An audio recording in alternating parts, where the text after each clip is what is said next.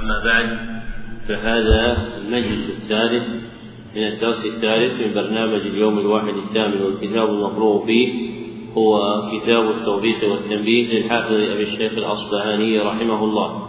وقد انتهى بنا البيان إلى حديث من ذكر امرأ بما ليس فيه. نعم. بسم الله الرحمن الرحيم. الحمد لله رب العالمين والصلاة والسلام على أشرف الأنبياء والمرسلين.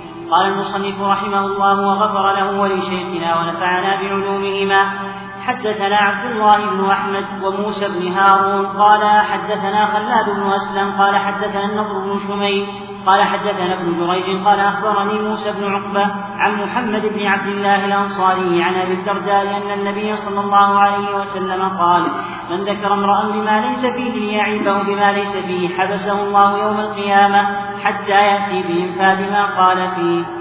هذا الحديث رواه الطبراني في الأوسط أيضا ورفعه غلط والصواب أنه موقوف من حديث أبي الدرداء من كلامه وسيخرجه المصنف في موضع مستقبل من كتابه. ومعنى قوله بما ليس فيه ليعيبه أو ما هو أي ما هو بريء منه يرميه به لإرادة أن يشينه بذلك. ومعنى قوله حتى يأتي بإنفاذ ما قال فيه أي حتى يأتي بما يأخذ به من عدة قوله فإن النفاذ هو الخروج. نعم. صلى الله إليكم قال رحمه الله حدثنا إبراهيم بن محمد بن الحسن قال حدثنا ابن أبي شيبة الرهاوي قال حدثنا موسى بن مروان قال حدثنا يحيى بن سعيد عن جرير بن عبد الله عن تميم بن عقبة بن عن تميم بن عقبة عن أبي ذر قال سمعت رسول الله صلى الله عليه وسلم يقول كف اللسان عن أعراض الناس صيام. هذا الحديث أخرجه أبو الفتح الأزدي في كتاب الضعفاء في ترجمة جرير بن عبد الله وذكر أنه ضعيف وشيخه لا يعرف ولا يعرف سماعه من أبي ذر كما أن دونه أحد الضعفاء فإسناد هذا الحديث ضعيف. إلا أن معناه صحيح فإن الإمساك عن الكلام في أعراض الناس من جملة الصيام المأمور به لأن حقيقة الصيام هو الإمساك والإمساك عن كل ما نهى الله سبحانه وتعالى عنه مأمور به. وعند البخاري من حديث أبي هريرة رضي الله عنه أن النبي صلى الله عليه وسلم قال من لم يدع قول الزور والعمل به والجهل فليس لله حاجة في أن يدع طعامه وشرابه. وقول الزور اسم جامع لكل باطل فإن الزور يراد به الباطل الذي لا حقيقة له. فمن جملة الصيام المأمور به في رمضان وفي غيره أن يكف الإنسان لسانه عن أعراض الناس. نعم. صلى الله إليكم. قال رحمه الله حدثنا أبو أيوب سليمان بن عيسى الجوهري قال حدثنا عبد الرحمن بن يونس قال حدثنا أبو إدريس قال حدثنا شعبة ومسعر وأبي وأشعث والمسعودي عن واصل الأحدب عن معرور بن سويد قال أتي عمر بجارية بجارية فجرت فقال عمر ويح المردية مرية مرية الله. مرية ويح, المري ويح المرية أفسدت حسبها أذهبا اذهبا بالمرية فاجلداها ولا تخرقا عليها جلدها فإن الله إنما جعل أربعة شهداء سترا ستركم الله به من دون فواحشكم يستركم به ولو شاء لجعله واحدا صادقا أو كاذبا فلا يطلع فلا يطلعن أحد فلا يطلعن. فلا يطلعن أحد منكم ستر الله. هذا الأثر الموقوف بقصته رواه البيهقي في السنن من حديث واصل الأحدب بهذا الإسناد وإسناده صحيح. ومعنى قوله فجرت أي زنت فإن الفجور هو الزنا. وقوله ويح المريح كلمة تهديد ووعيد. ومراد عمر رضي الله عنه تعظيم أمر الستر على المسلمين وأن الزنا قد جعل الله عز وجل دونه حجابا مستورا هو تحصيل أربعة شهداء وهذا لا يكاد يوجد بل ذكر صاحب الشقائق النعمانية أنه لم يحد أحد في الإسلام بشهادة أربعة شهداء وإنما حد من حد في العهد النبوي فمن بعده بإقراره. وكل ذلك تعظيم لأمر الستر نعم. صلى الله عليكم قال رحمه الله باب الأمر بإخفاء الفاحشة على أخيه إذا بلغ وترك إشاعته. عقد المصنف رحمه الله تعالى هذه الترجمة مبوبا على مقصد عظيم جاءت به الشريعة وهو الأمر بإخفاء الفاحشة على أخيه إذا بلغه. والفاحشة اسم لكل أمر قبيح من الأقوال والأفعال فمن بلغه عن أخيه شيء فلا ينبغي له أن يباشره به وأن يطلعه على معرفته بما صار منه بل ينبغي أن يبقى على كتمان معرفته بما وقع فيه لأن الدين مبني على الستر كما سبق في الأحاديث النبوية وسيأتي من الآثار ما يصدق ذلك. ومعنى قوله ترك إشاعته أي ترك نشره وإذاعته فالإشاعة المراد بها الإذاعة والنشر ولا تختص بالخبر الكاذب وإن كان هو الغالب فيها بل قد تطلق ويراد بها مجرد إفشاء الأمر ونشره. نعم. صلى الله عليكم قال رحمه الله حدثنا إسحاق بن إبراهيم قال حدثنا أحمد بن منيع قال حدثنا محمد بن عبيد عن إسماعيل بن أبي خالد عن جبير بن عوف قال كان يقال من سمع بفاحشة فأفشاها فهو فيها كالذي أبداها. هذا الأثر رواه البخاري في الأدب المفرد من حديث إسماعيل به وإسناده صحيح وتقدم أن ما يأتي بكلام التابعين فمن بعده كان يقال يريدون أنه من العلم المأثور والغالب أنهم يريدون به رفعه ومعنى فهو كالذي أبداها أي كالذي أظهرها.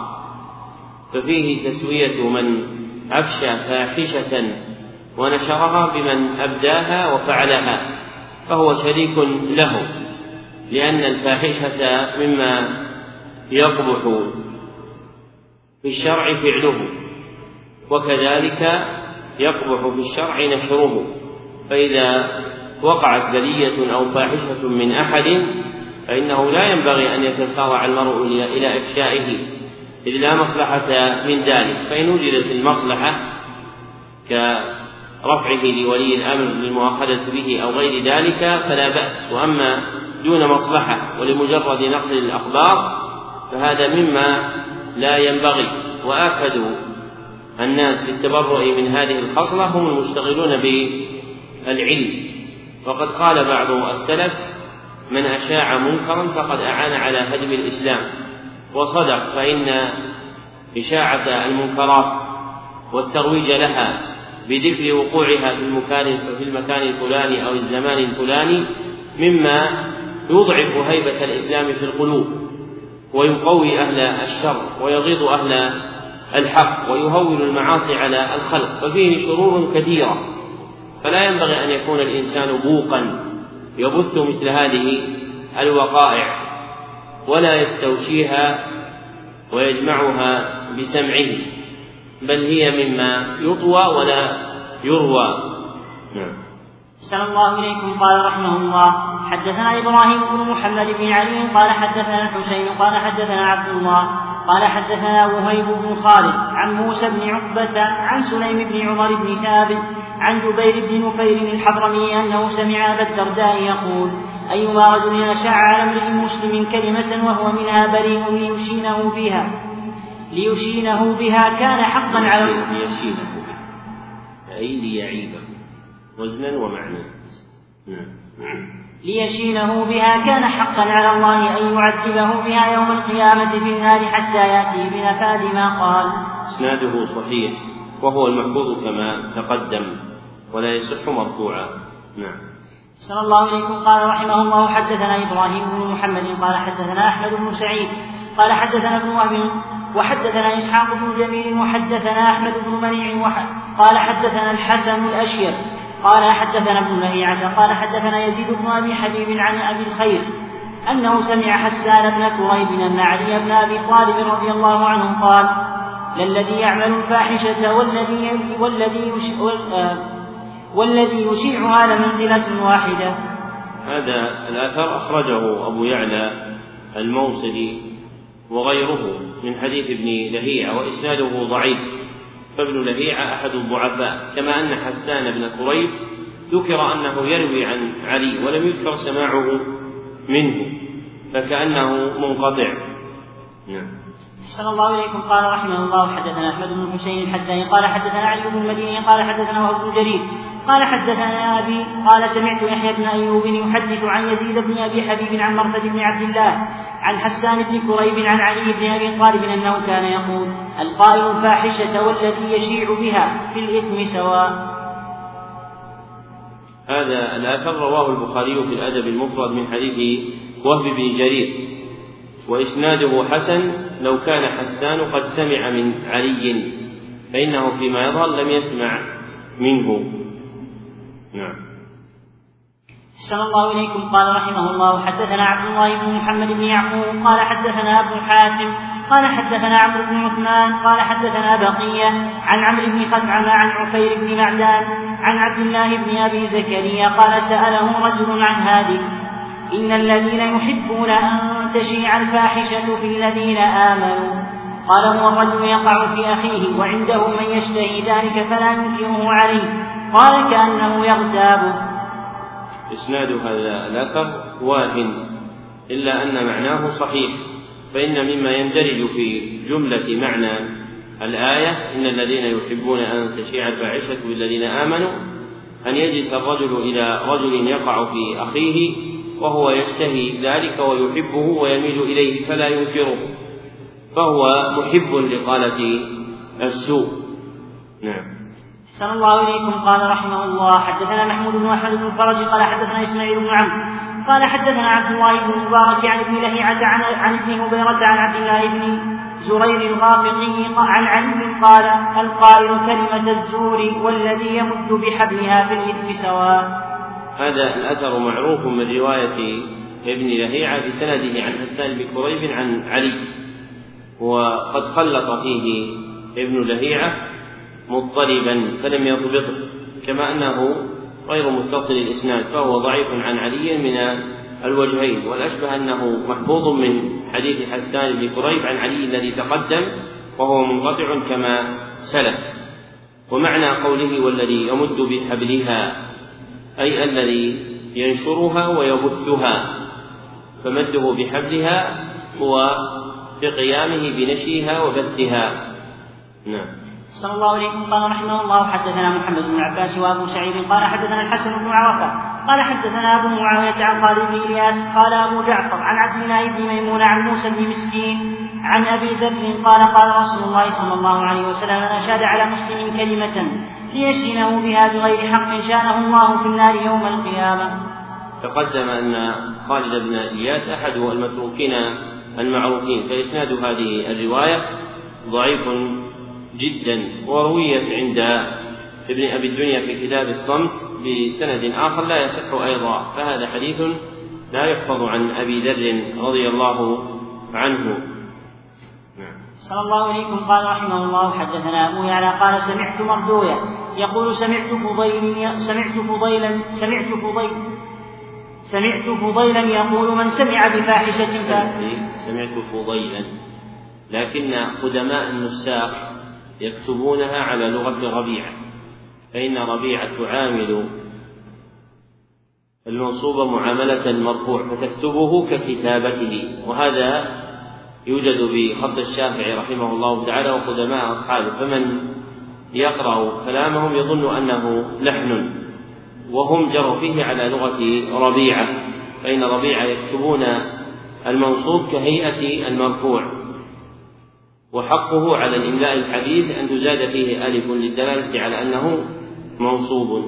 فيقرأ وإن كان في المخطوطة هكذا يقرأ سمعت فضيلا يقول. نعم.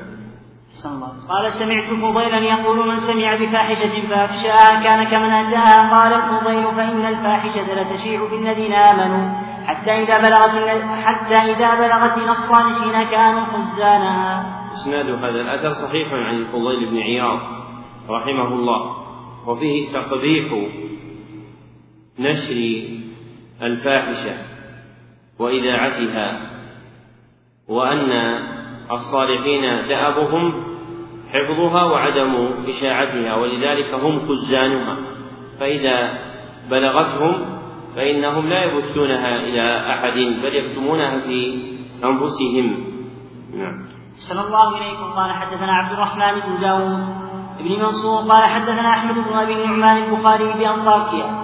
قال حدثنا الهيثم بن جبير قال حدثنا خالد بن عبد الله عن إسماعيل عن شبير بن عون وقال غيره شبه قال من أشاع على مسلم كلمة فاحشة كان كبادئها.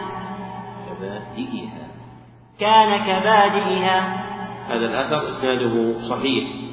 ومعنى بادئها يعني الذي ابتدأ بها وفعلها وتقدم من وجه آخر.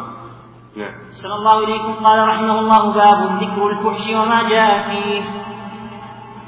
عقد المصنف رحمه الله تعالى هذه الترجمة التي تشتمل على مقصد آخر من مقاصد التوبيخ على ما يذم والتنبيه إلى ما ينبغي أن يعمل به. والفحش اسم لكل ما يستقبح شرعا. نعم. أحسن الله إليكم. قال رحمه الله أخبرنا محمد بن يحيى المروزي قال حدثنا عاصم بن علي قال حدثنا المسعودي عن عمرو بن مرة عن عبد الله بن الحارث عن أبي كثير الزبيدي عن عبد الله بن عمرو قال قال رسول الله صلى الله عليه وسلم ألا فاتقوا الله وإياكم والفحش فإن الله لا يحب الفحش ولا التفحش. هذا الحديث هذا الحديث حديث صحيح رواه أبو داود في سننه وأحمد من وجه آخر. والفرق بين الفحش والتفحش أن الفحش كما سبق اسم لما يستقبح مما يكون صفة لازمة لصاحبه. وأما التفحش فهو تطلب ذلك وتكلفه. فإن هذا البناء عند الصرفيين وهو التفعل موضوع لما يكون فيه كلفة لتحصيله والتخلق به ومنه التكلم والتحلم والتعلم. ومنه قول الكوهجي في نظمه ورابع الأبواب للتكلف. فهذا الباب عند الصرفيين وهو التفعل موضوع للتكلف. قال نحو تعلمت. فالتعلم هو تكلف لأنه يعاني طلب العلم حتى يتعلم فمثله التفحش. نعم. أحسن الله إليكم. قال رحمه الله حدثنا يحيى بن عبد الله بن الحريش. قال حدثنا الحسن بن عرفة. قال حدثنا عمار بن محمد عن عبد السلام بن مسلم عن منصور بن زادان. عن أبي جحيفة عن عبد الله بن عمرو قال قال النبي صلى الله عليه وسلم من أشراف الساعة أن يكثر الفحش والتفحش وسوء الجوار وقطيعة الأرحام ويؤتمن ويؤتمن الخائن ويخون الامين. هذا الحديث إسناده ضعيف. وروي عند أحمد من وجه آخر من حديث عبد الله بن عمرو بسياق أتم إلا أنه لا يصح. وقد تفرد الضعفاء بهذا الحديث عن عبد الله ولا يشبه أن يكون صحيحا. نعم. صلى الله إليكم. قال رحمه الله حدثنا حسن بن محمد بن مسيد قال حدثنا أحمد بن ثابت بن فرقوية قال حدثنا عبد الرزاق قال أخبرنا معمر عن ثابت عن أنس بن مالك قال قال رسول الله صلى الله عليه وسلم ما كان الحياء في شيء إلا زانه ولا كان الفحش في شيء إلا شانه.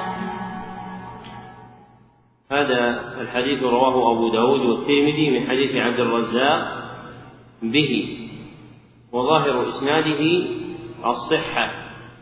ولذلك قال المحقق معقبا على الترمذي في الصفحة الثانية والسبعين بعد المئة قال وقال الترمذي هذا حديث حسن غريب لا نعرفه إلا من حديث عبد الرزاق. فعلق عليه بقول قلت أما قوله حسن غريب فلا تؤثر الغرابة في صحة الحديث أو تحسينه.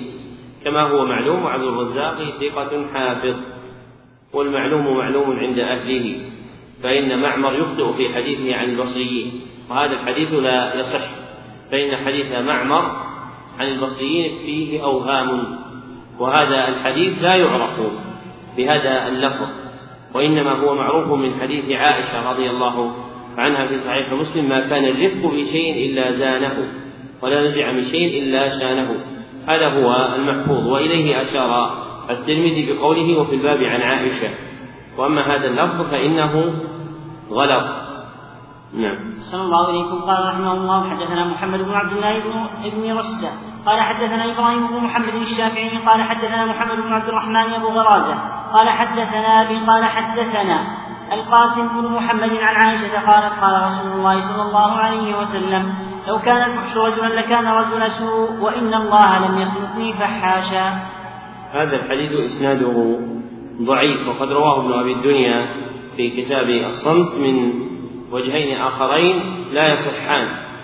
والمحفوظ في حديث عائشة ما رواه البخاري رحمه الله تعالى أنها قالت لم يكن النبي صلى الله عليه وسلم سبابا ولا فحاشا. وهي الجملة الثانية. أما الجملة الأولى فإنها لا تصح. وكأن بعض الرواة دخل عليه حديث في حديث فجمعهما في لفظ واحد. نعم. أحسن الله إليكم. قال رحمه الله تعالى أخبرنا أيتم الدوري. قال حدثنا محمد بن مرزوق قال حدثنا سليمان بن نعمان. قال حدثنا الحسن بن أبي جعفر. قال حدثني المغيرة بن عبد الرحمن عن زبيد عن أبي عن أبي كثير الزبيدي عن عبد الله بن عمرو. قال قال صلى الله عليه وسلم إياكم والفحش فإن الله لا يحب الفحش ولا التفحش. وفي إسناده ضعف إلا أنه عند أبي داود بوجه آخر وقد تقدم فهو حديث صحيح. وأما هذا الإسناد فضعيف. نعم. صلى الله عليكم. قال رحمه الله باب ذكر قول, قول النبي صلى الله عليه وسلم أبغض الرجال إلى الله الذي يقتدي بسيئات المؤمن ويدع حسنته. ترجم المصنف رحمه الله تعالى هذا الباب بحديث نبوي أسنده. وهذه طريقة جماعة منهم البخاري في مواضع من صحيحه استغناء بلفظ النبي صلى الله عليه وسلم عن لفظ غيره. وهذا من أحسن مخارج العلم فإن اللفظ الوارد في الشريعة في الكتاب أو السنة أحسن من اللفظ الذي ينشئه الإنسان من بنات أفكاره نعم. أحسن الله إليكم. قال رحمه الله حدثنا قاسم بن زكريا المقدس قال حدثنا محمد بن إبراهيم ابن إبراهيم. لا محمد بن إبراهيم مربع هذا لقب. محمد بن إبراهيم مربع قال حدثنا عبد الحميد بن صالح قال حدثنا أبو شهاب عن الأعمش عن أبي صالح عن أبي هريرة رضي الله عنه قال قال النبي صلى الله عليه وسلم إن ابغض الرجال إلى الله عز وجل الذي يقتدي بسيئات المؤمن ويدع حسناته. اقرأ اقرأ الهامش. قال رجال كلهم موثوقون فأخشى أن تكون له علة فإن متنه غريب جدا وليس في كتب السنة المشهورة كأن يعل بالوقف أو الإرسال أو تدليس أبي شهاب أو تدليس أبي شهاب عبد ربه ابن نافع فقد رماه الخطيب بتدليس حديث عن عاصم الأحول قال فيه الإمام أحمد إنه لا أصل له كما في آخر ترجمة عبد ربه. من التهذيب. ميم هذا الشيخ محمد عمرو عبد اللطيف رحمه الله تعالى. وانظر إلى من له فهم في العلل كيف يتكلم. فإنه رحمه الله تعالى قال أخشى أن تكون له علة. فإن متنه غريب جدا.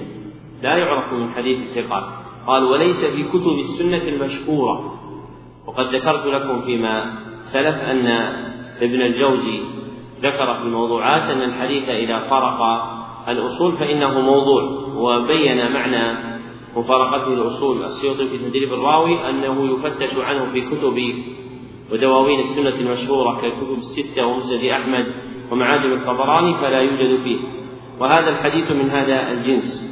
فإنه وإن كان رواته ثقات فإنه وإن كان رواته ثقات إلا أنه لا يصح. والأمر كما قال الشيخ محمد بن عمرو رحمه الله تعالى. فإن الدار قطني رحمه الله تعالى ذكره في العلل فقال ورواه غيره عن عبد الحميد بهذا الإسناد موقوفا وهو أشبه. فالمحفوظ والله أعلم في هذا الحديث. لو صح كونه موقوفا أما رفعه فإنه لا يثبت مرفوعا جزما بل هو معل بالعلة التي ذكرنا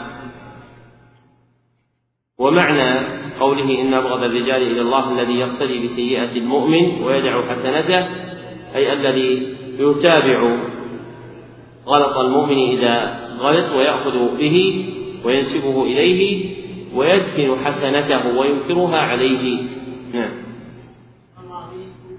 قال رحمه الله حدثنا ابو العباس قال حدثنا حسين بن الخياط قال حدثنا إبراهيم بن أيوب عن عبد عن عبد ربه عن الأعمش قال قال أبو هريرة من أبغض عباد من, من أبغض عباد الله إلى الله من يقتدي بسيئات المؤمن ويدع حسنته. هذا وجه آخر ضعيف غير الوجه الذي ذكره الدار قطني موقوفا وهذا الوجه الموقوف لا يصح لانقطاعه وضعف إبراهيم بن أيوب الراوي عن أبي شهاب الحناط عبد ربه بن نافع والأقرب أن هذا الحديث لا يصح مرفوعا ولا موقوفا وكونه موقوفا أشبه أي أقرب إلى أن يكون من لفظه وقد تجد الحافظ يعل الحديث بكونه موقوفا أشبه ثم لا تجده موقوفا لكنه يرى أن كونه من كلام الصحابي أقوى من كونه من كلام رسول الله صلى الله عليه وسلم كحديث علي الذي رواه الترمذي من حديث الحارث عن علي رضي الله عنه في وصف القرآن وفيه أنه قال فيه نبأ من قبلكم وخبر من بعدكم إلى آخر ما ذكره في أوصاف القرآن. فإن ابن كثير قال لما ذكره في تفسيره قال وكونه موقوفا من كلام علي أشبه أو كلاما هذا معناه. والأمر كما ذكر رحمه الله تعالى فإنه لا يحفظ مرفوعا. والمقصود أنه إذا وجدت في كلام حافظ أن الوقف أشبه لا يلزم أن يكون قد روي موقوفا ولكنه يقصد أنه يشبه أن يكون معروفا من كلام الصحابي موقوفا عليه دون أن يكون مرفوعا من كلام رسول الله صلى الله عليه وسلم. نعم. صلى الله إليكم قال رحمه الله باب ذكر قول النبي صلى الله عليه وسلم لا تبلغوني عن أصحابي إلا خيرا. حدثنا أبو بكر بن الجعد قال حدثنا علي بن المديني قال حدثنا عبيد الله بن موسى عن إسرائيل عن السدي عن وليد بن أبي هاشم عن زيد بن زايد عن عبد الله بن مسعود قال قال رسول الله صلى الله عليه وسلم لا تبلغني أحد لا يبلغني أحد منكم عن أحد من أصحابي شيئا فإني أحب أن أخرج إليكم وأنا سليم الصدر. هذا الحديث أخرجه الترمذي من حديث إسرائيل به. بهذا الإسناد. وأخرجه أبو داود من حديث إسرائيل لكن لم يذكر السدي. وإسناد هذا الحديث ضعيف لا يصح سواء مع ذكر السدي أو بإسقاطه. نعم. صلى الله إليكم. قال رحمه الله أخبرني صالح بن محمد قال حدثنا عبد الله بن جعفر قال حدثنا زكريا بن يحيى الباهلي قال سمعت الأصمعي يقول سمعت أعرابيا يقول إذا ثبتت الوصول في القلوب نطقت الألسن بالفروع. والله يعلم إن قلبي لك شاكرا ولساني لك ذاكرا وهيهات أن يظهر الود المستقيم في القلب السقيم. ويقال قال أكثر ابن صيفي لبنيه يا بني كفوا عن ذكر مساوي الناس يصفو لكم صدورهم. هذا من حكايات الأصمع عن الأعراب وهي كثيرة. والأصمعي من أحسن من نقل أشعار الأعراب وحكاياتهم إلا أنها مفرقة ومنها في كتب الرواية شيء كثير. فلو أن ناهضا نهض إلى جمعها لجمع خيرا كثيرا فإن في حكاياتهم طرائف وضرائف وفوائد مختلفة. نعم.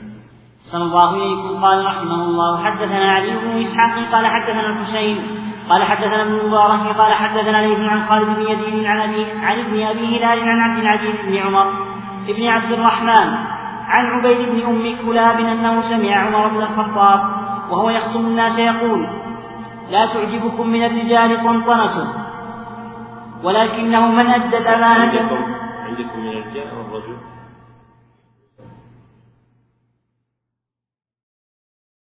إما أن تكون من الرجال طنطنة أو من الرجل طنطنته وهو الأشبه لأنه قال ولكنه من أدى الأمانة. ها؟ لا تعجبكم في الرجال طنطنته هذه أبعد.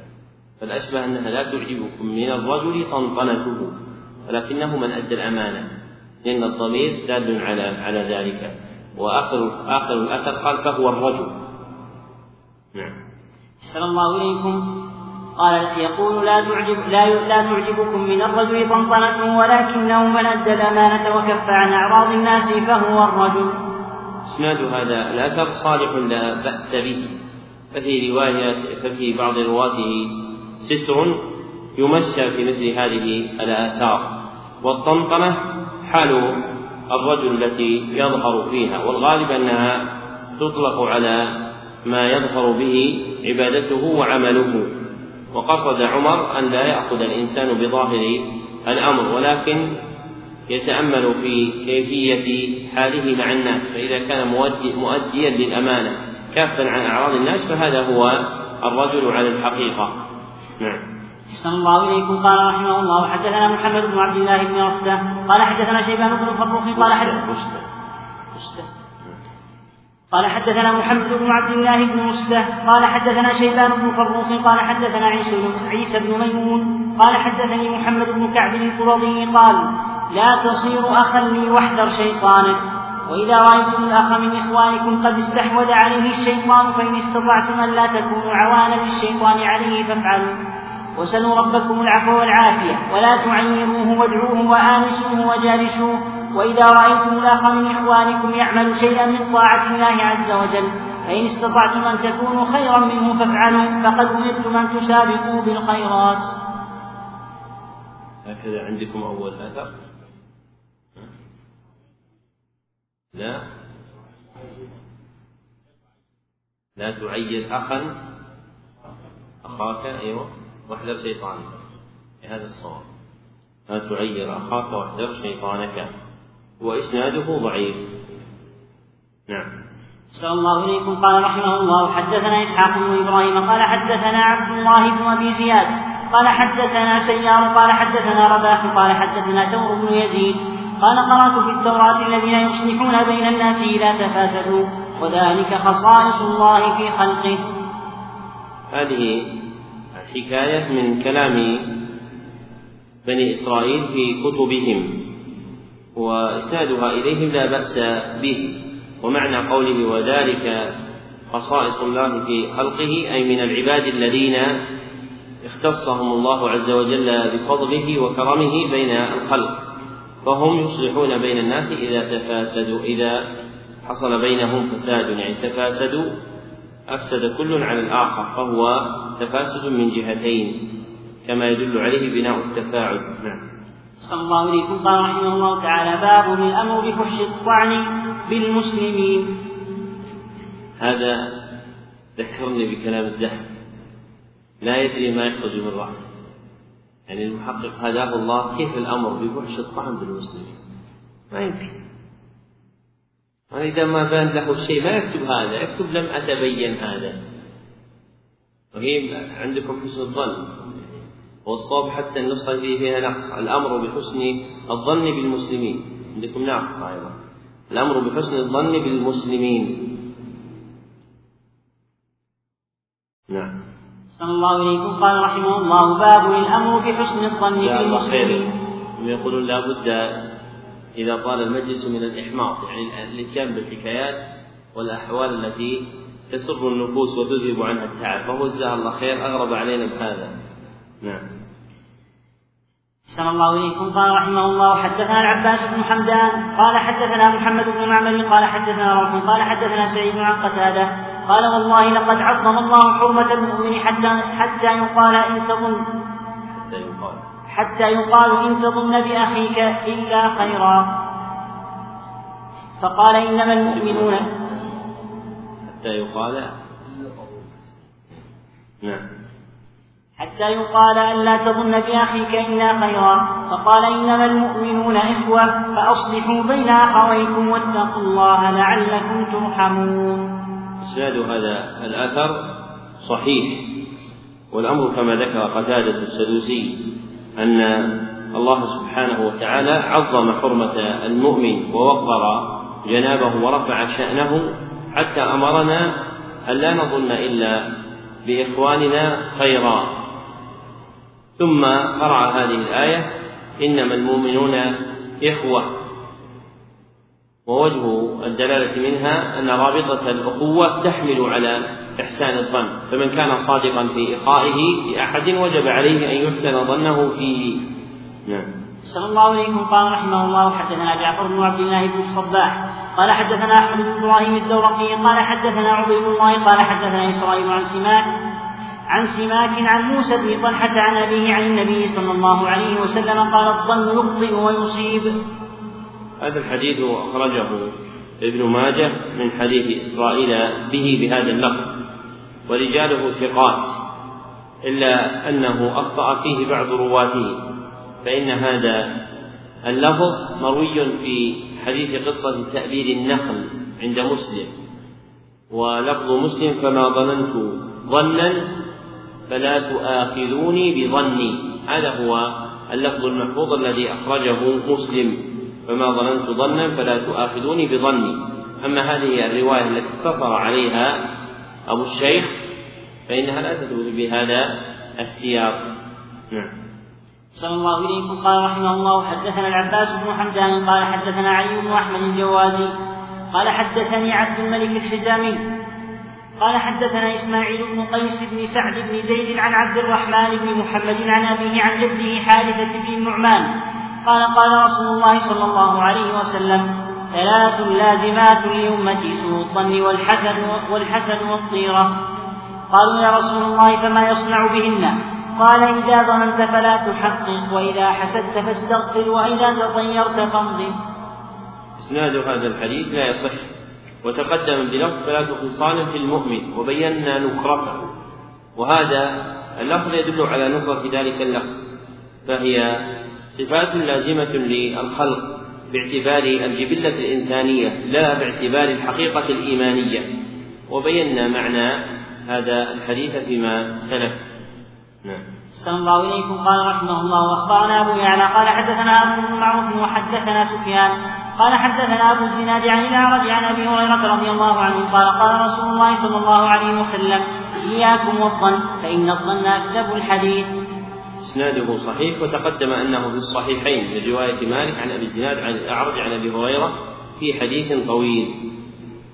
نعم. صلى الله عليه قال حدثنا أحمد بن الحسين الحذاء قال حدثنا أحمد بن إبراهيم الدورقي قال حدثنا عباسة بن سعيد القرشي قال حدثنا ابن المبارك عن وهيب بن عبد الله قال قال عمر بن عبد العزيز أحسن الظن بصاحبك حتى يغلبك. عندكم هكذا عن وهيب بن عبد الله.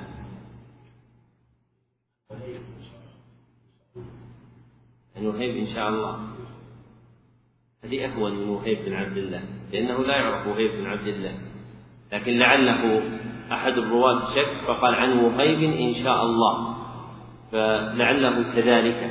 وهو الأشبه أنه وهيب وليس وهيب بن عبد الله فلعله عن وهيب إن شاء الله. وإذا كان كذلك فإن إسناد هذا الأثر عن عمر بن عبد العزيز صحيح.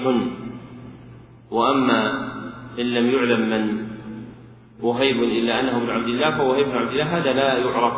ومعنى الأثر أحسن الظن بصاحبك حتى يغلبك أي حتى لا تستطيع أن تدفع ما تجده لأنه صار علانية وعلما متيقنا. فيبقى الإنسان على حسن الظن ما لم يغلب ببينة واضحة تدفع حسن ظنه بصاحبه. نعم. صلى الله إليكم قال رحمه الله حدثنا محمد بن هشام قال حدثنا سلمة قال حدثنا عبد الرزاق عن معمر عن همام بن منبه عن أبي هريرة رضي الله عنه قال قال رسول الله قال رسول الله صلى الله عليه وسلم إياكم والظن فإن الظن أكذب الحديث. ورواه جرير عن ليث عن طاووس. عن أبي هريرة قال قال رسول الله صلى الله عليه وسلم إياكم والظن فإنه من أكذب الحديث. إسناده صحيح وتقدم أنه في الصحيحين.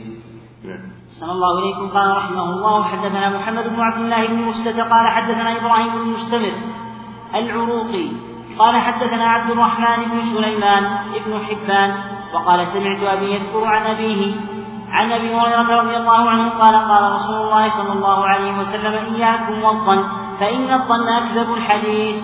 إسناده ضعيف والحديث صحيح فقد تقدم عند المصنف من وجوه صحيحة وهو في الصحيحين من حديث أبي هريرة من غير وجه عنه.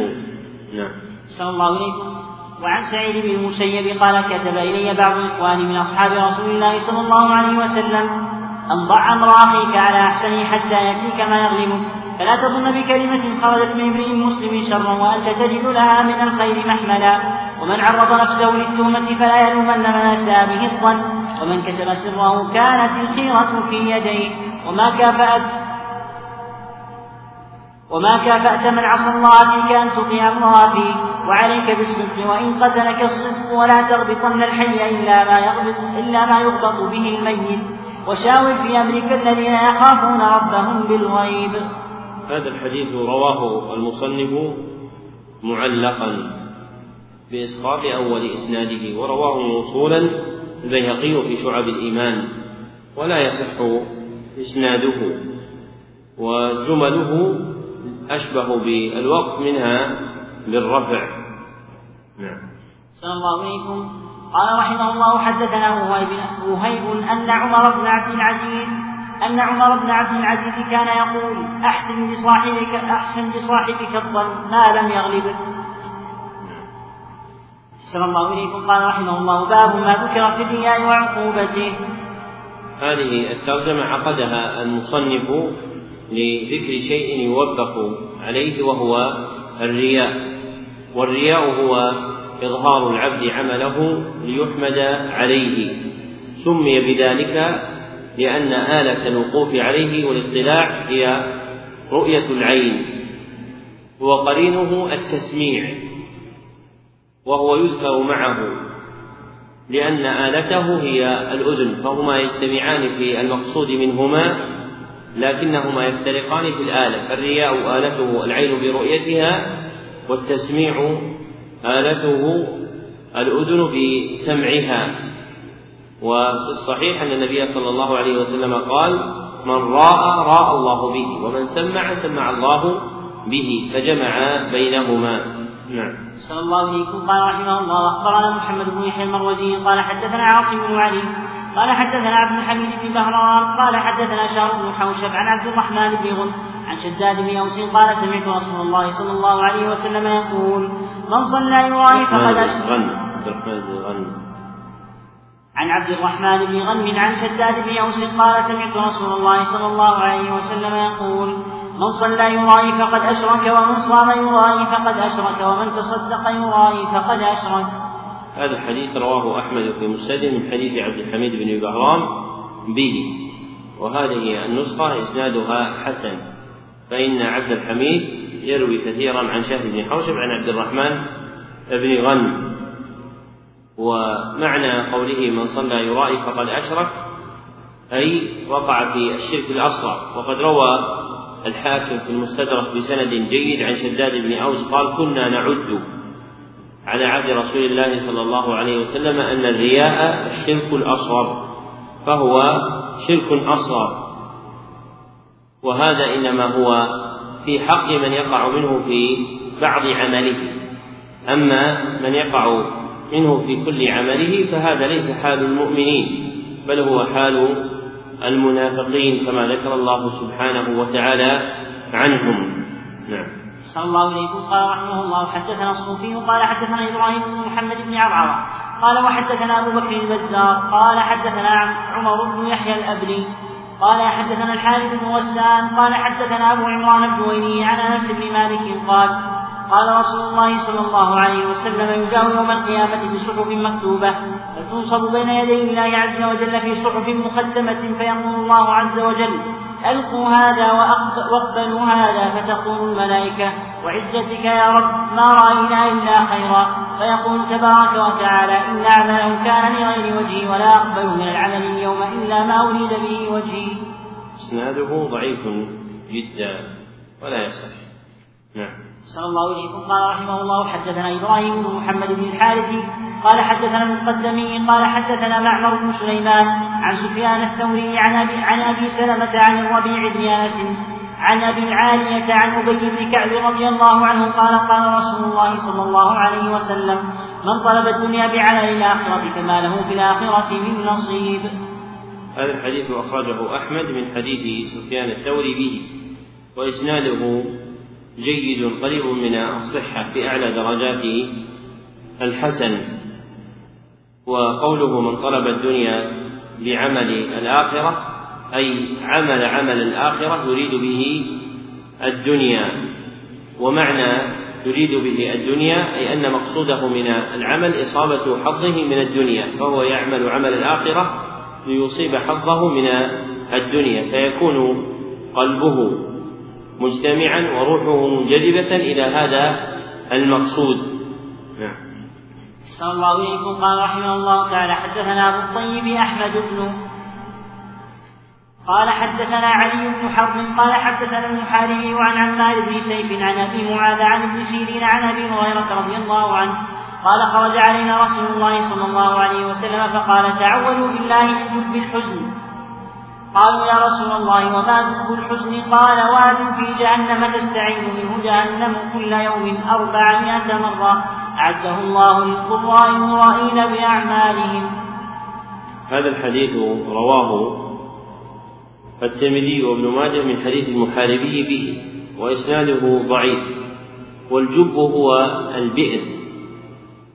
والحزن يجوز فيها الضم والإسكان ويجوز فيها التحريك الحزن. وقد وقع تفسيره في هذا الحديث بأنه واد في جهنم تستعيذ منه جهنم.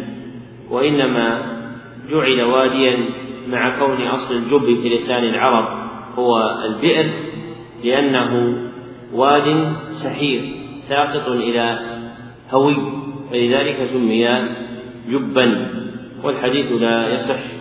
والبياض الذي في أوله حدثنا أبو الطيب أحمد بن روح. نعم.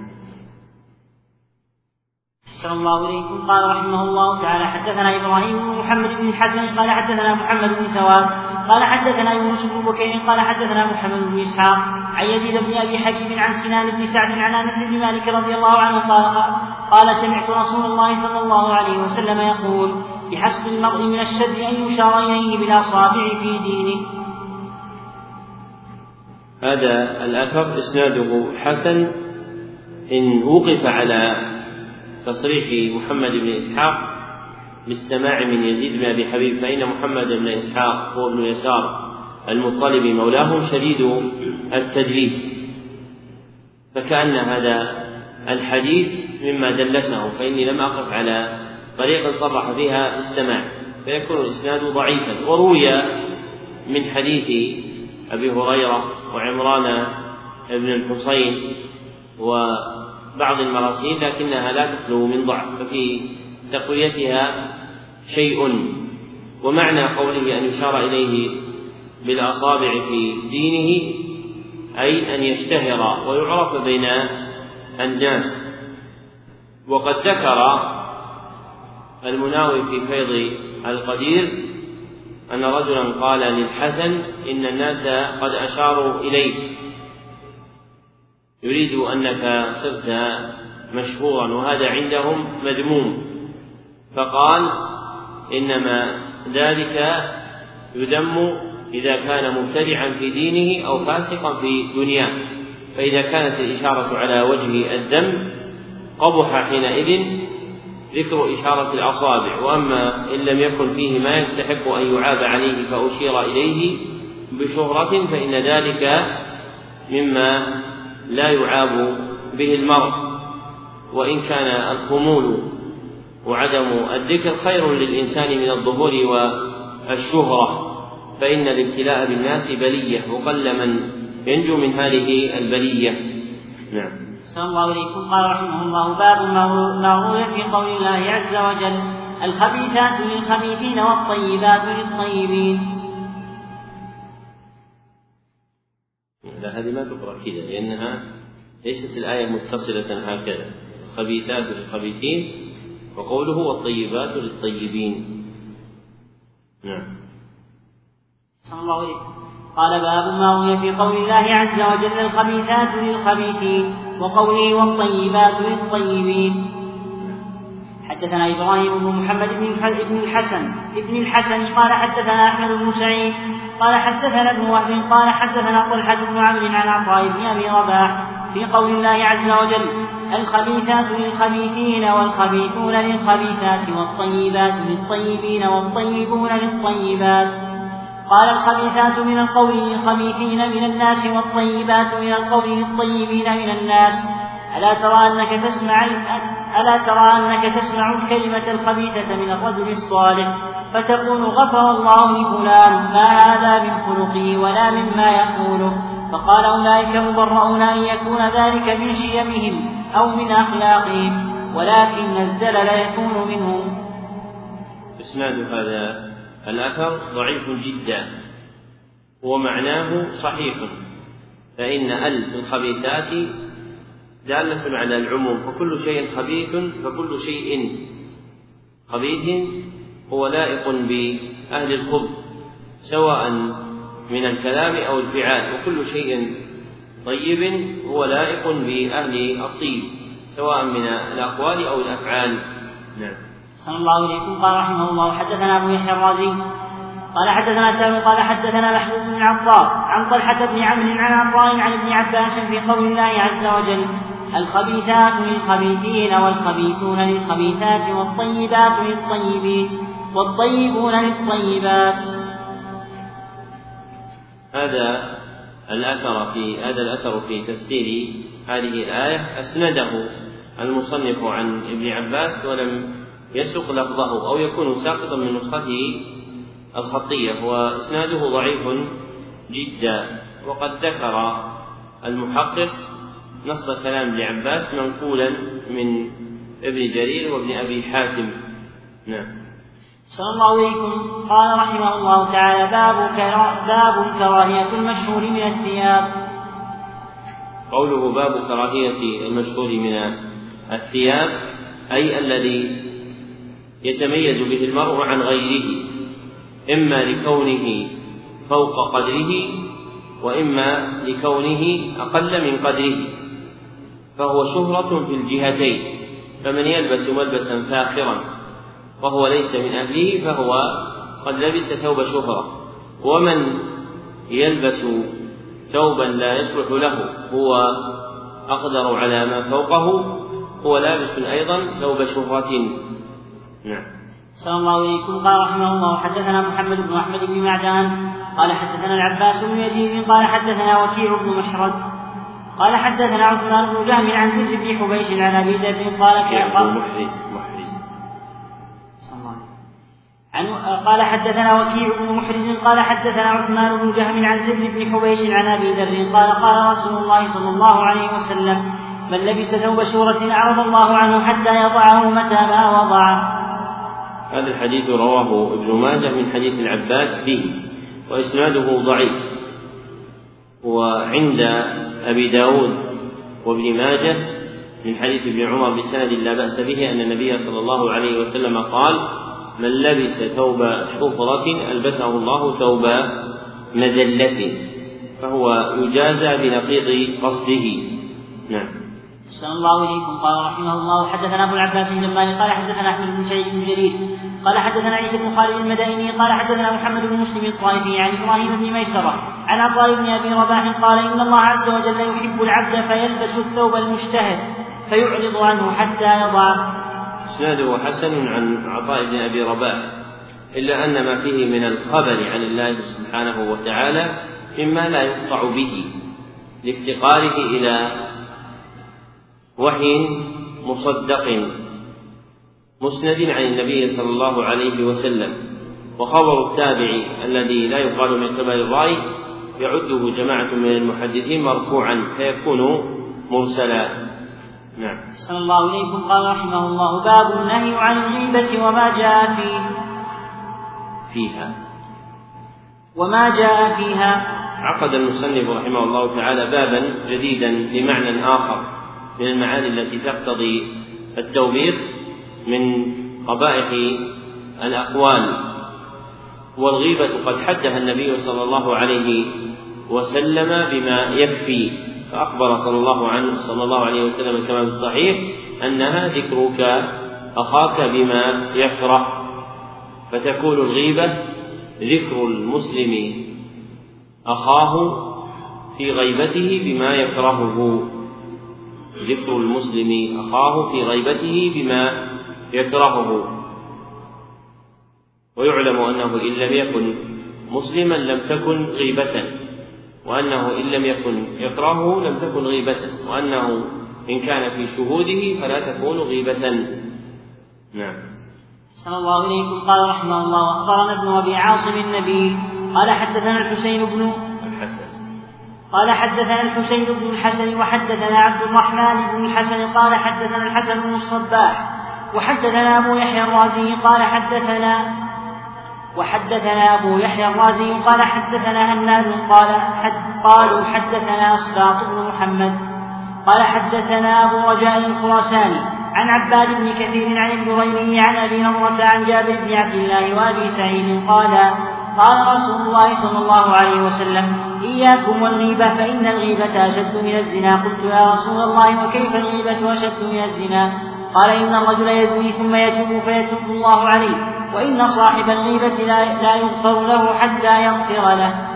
واللفظ لحديث ابن أبي عاصم. هذا الحديث رواه ابن أبي الدنيا في كتاب الصمت وغيره من حديث عباد بن كثير به وعباد متروك الحديث. وقوله في الحديث وإن صاحب الغيبة لا يغفر له أي ذنبه حتى يغفر له أي صاحبه الذي اغتابه. نعم. صلى الله عليكم. قال رحمه الله حدثنا أحمد بن الحسين حتى قال حدثنا أحمد الدورقي قال حدثني سلمة بن عقال بهذا الحديث فنس في هذا الحديث فنسيت إسناده فحدثني محمد بن عبد الله. قال حدث قال حدثني أنت. قلت حدثني سلمة عن ضبط بن مزاحم بن علي. قال حدثتني أنت. قلت حدثني سلمة. قال حدثتني أنت. هذا مما ممن حدث ونسي ويلحق بكتاب السيوطي فيه قال حدثتني أنت. قلت حدثتني. قلت قلت, قلت حدثني سلمة عن ضرب بن مزاحم بن علي بن أخي سهل بن علي العابد. عن وهيب بن الورد قال لأن أدع لأن أدع الغيبة عندكم هكذا عن ضرب ظفر. أي هو ظفر ما ليس. هو أشار في الحاشية قال غير ظفر. وهنا قال عن ضرب غير عن ظفر بن مزاحم نعم. لئن أدع الغيبة أحب إلي من أن يكون لي الدنيا منذ خلقت إلى أن تفنى فأجعل فأجعلها في سبيل الله. ولئن أغض بصر ولئن أغض بصري أحب إلي من أن يكون لي الدنيا منذ خلقت إلى أن تفنى فأجعلها في سبيل الله ثم تلا. قل للمؤمنين يغضوا من أبصارهم. وأما الغيبة فأمرها بين في كتاب الله. قال الله عز وجل ولا يغتب بعضكم بعضا. قال حدثنا أبو بكر بن يعقوب.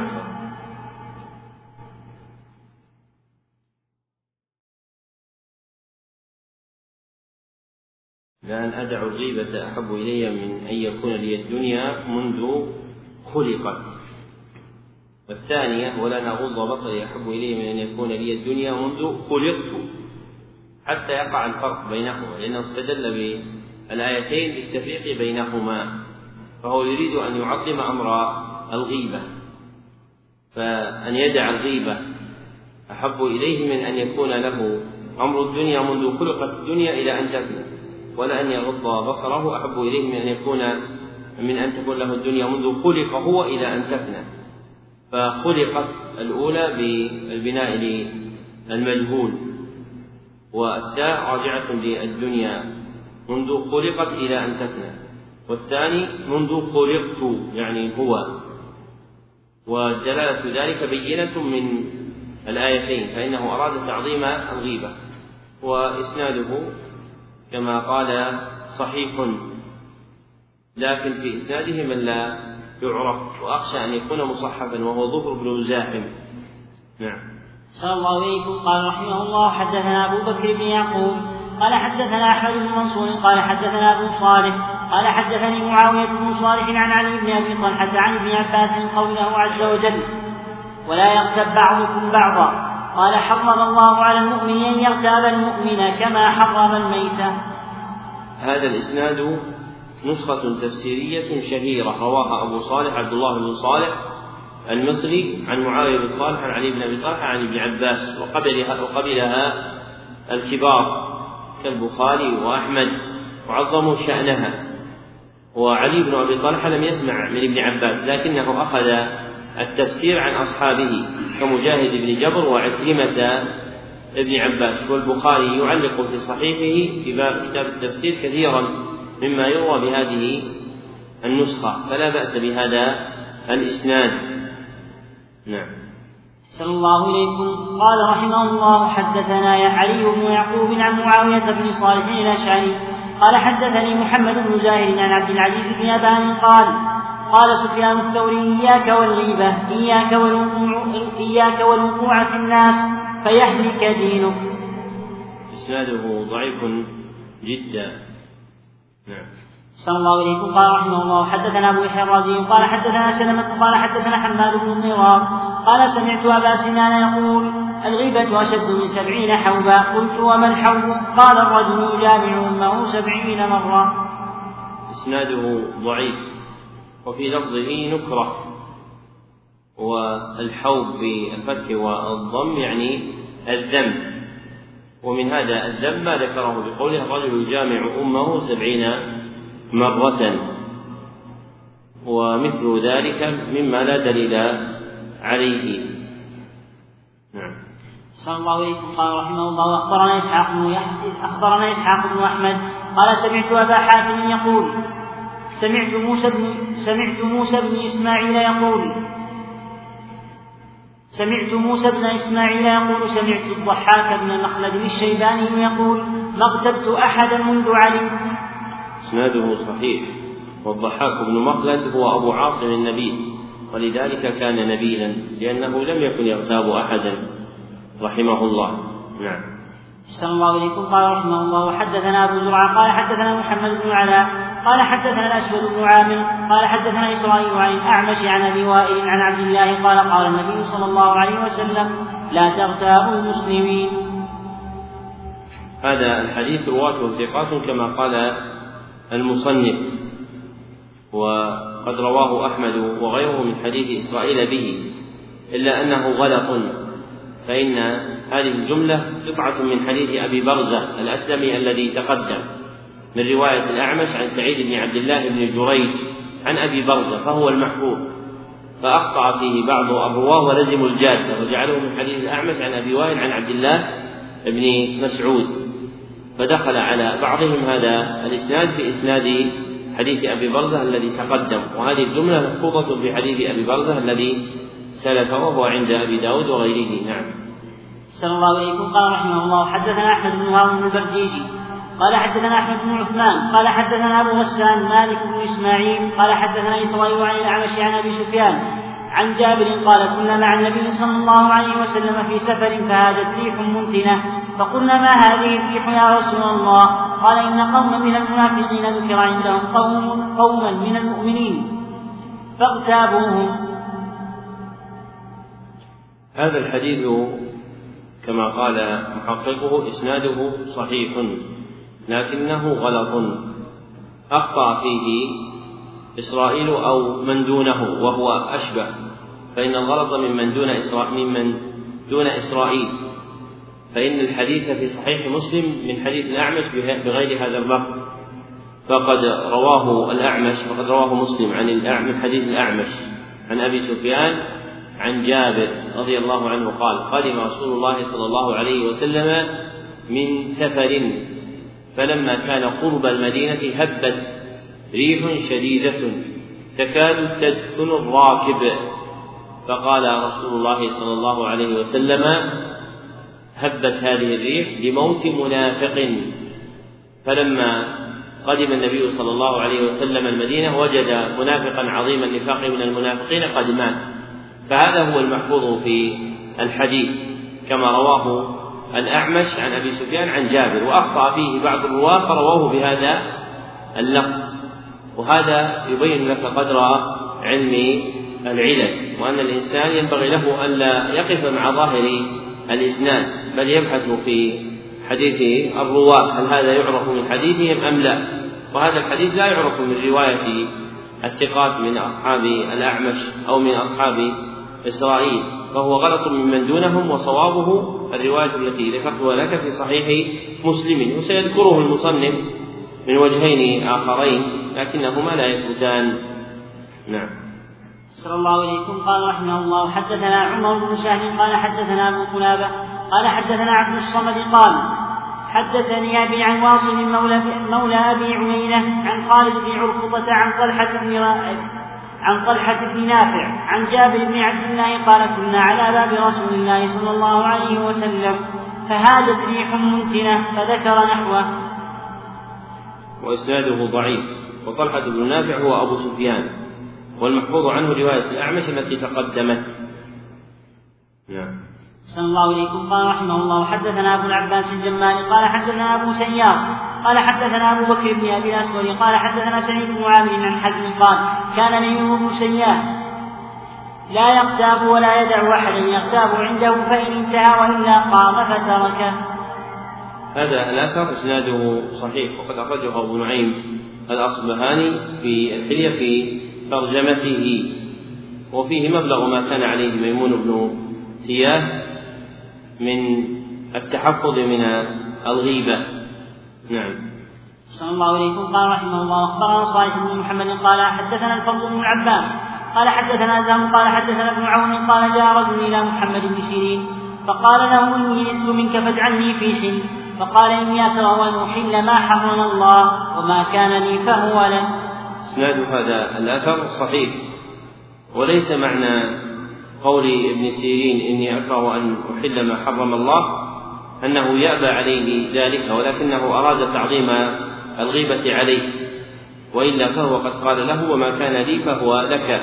يعني أنه قد عفى عنه وسامحه لكنه أراد أن يغلظ عليه ويروعه بمثل هذه العبارة التي توهم أنه لا يوافقه على طلبته. وقد اختلف أهل العلم رحمهم الله تعالى هل يجب على من اغتاب أحدا أن يتحلل منه على قولين. أصحهما ما ذهب إليه الشافعي واختاره أبو العباس بن تيمية وتلميذه ابن القيم أنه لا يجب ذلك بل يكفيه أن يستغفر له وأن يذكره بخير. ويتأكد عدم الوجوب إذا كان يعلم أو يغلب على ظنه أنه يقع في إخباره مفسدة. فيكفيه أن يستغفر له وأن يدعو له ويذكره بخير. نعم. صلى الله عليكم. قال رحمه الله واخبرنا أبو يعلى. قال حدثنا عبد الصمد قال سمعت الفضيل بن عياض يقول إذا ظهرت الغيبة ارتفعت الاخوه في الله عز وجل إنما مثلكم في ذلك الزمان مثل شيء مثل شيء مطلي بالذهب أو بالفضة داخله خشب وخارجه حسن. اسناد هذا الاثر عن الفضيل صحيح. وفيه بيان مضرة الغيبة في ارتفاع الأخوة وأنها تفسدها فتكون خواء في داخلها حتى يظهر ذلك على خارجها. نعم. صلى الله عليكم. قال رحمه الله حدثنا إبراهيم بن متويه متوي. حدثنا إبراهيم بن متو متوي على رواية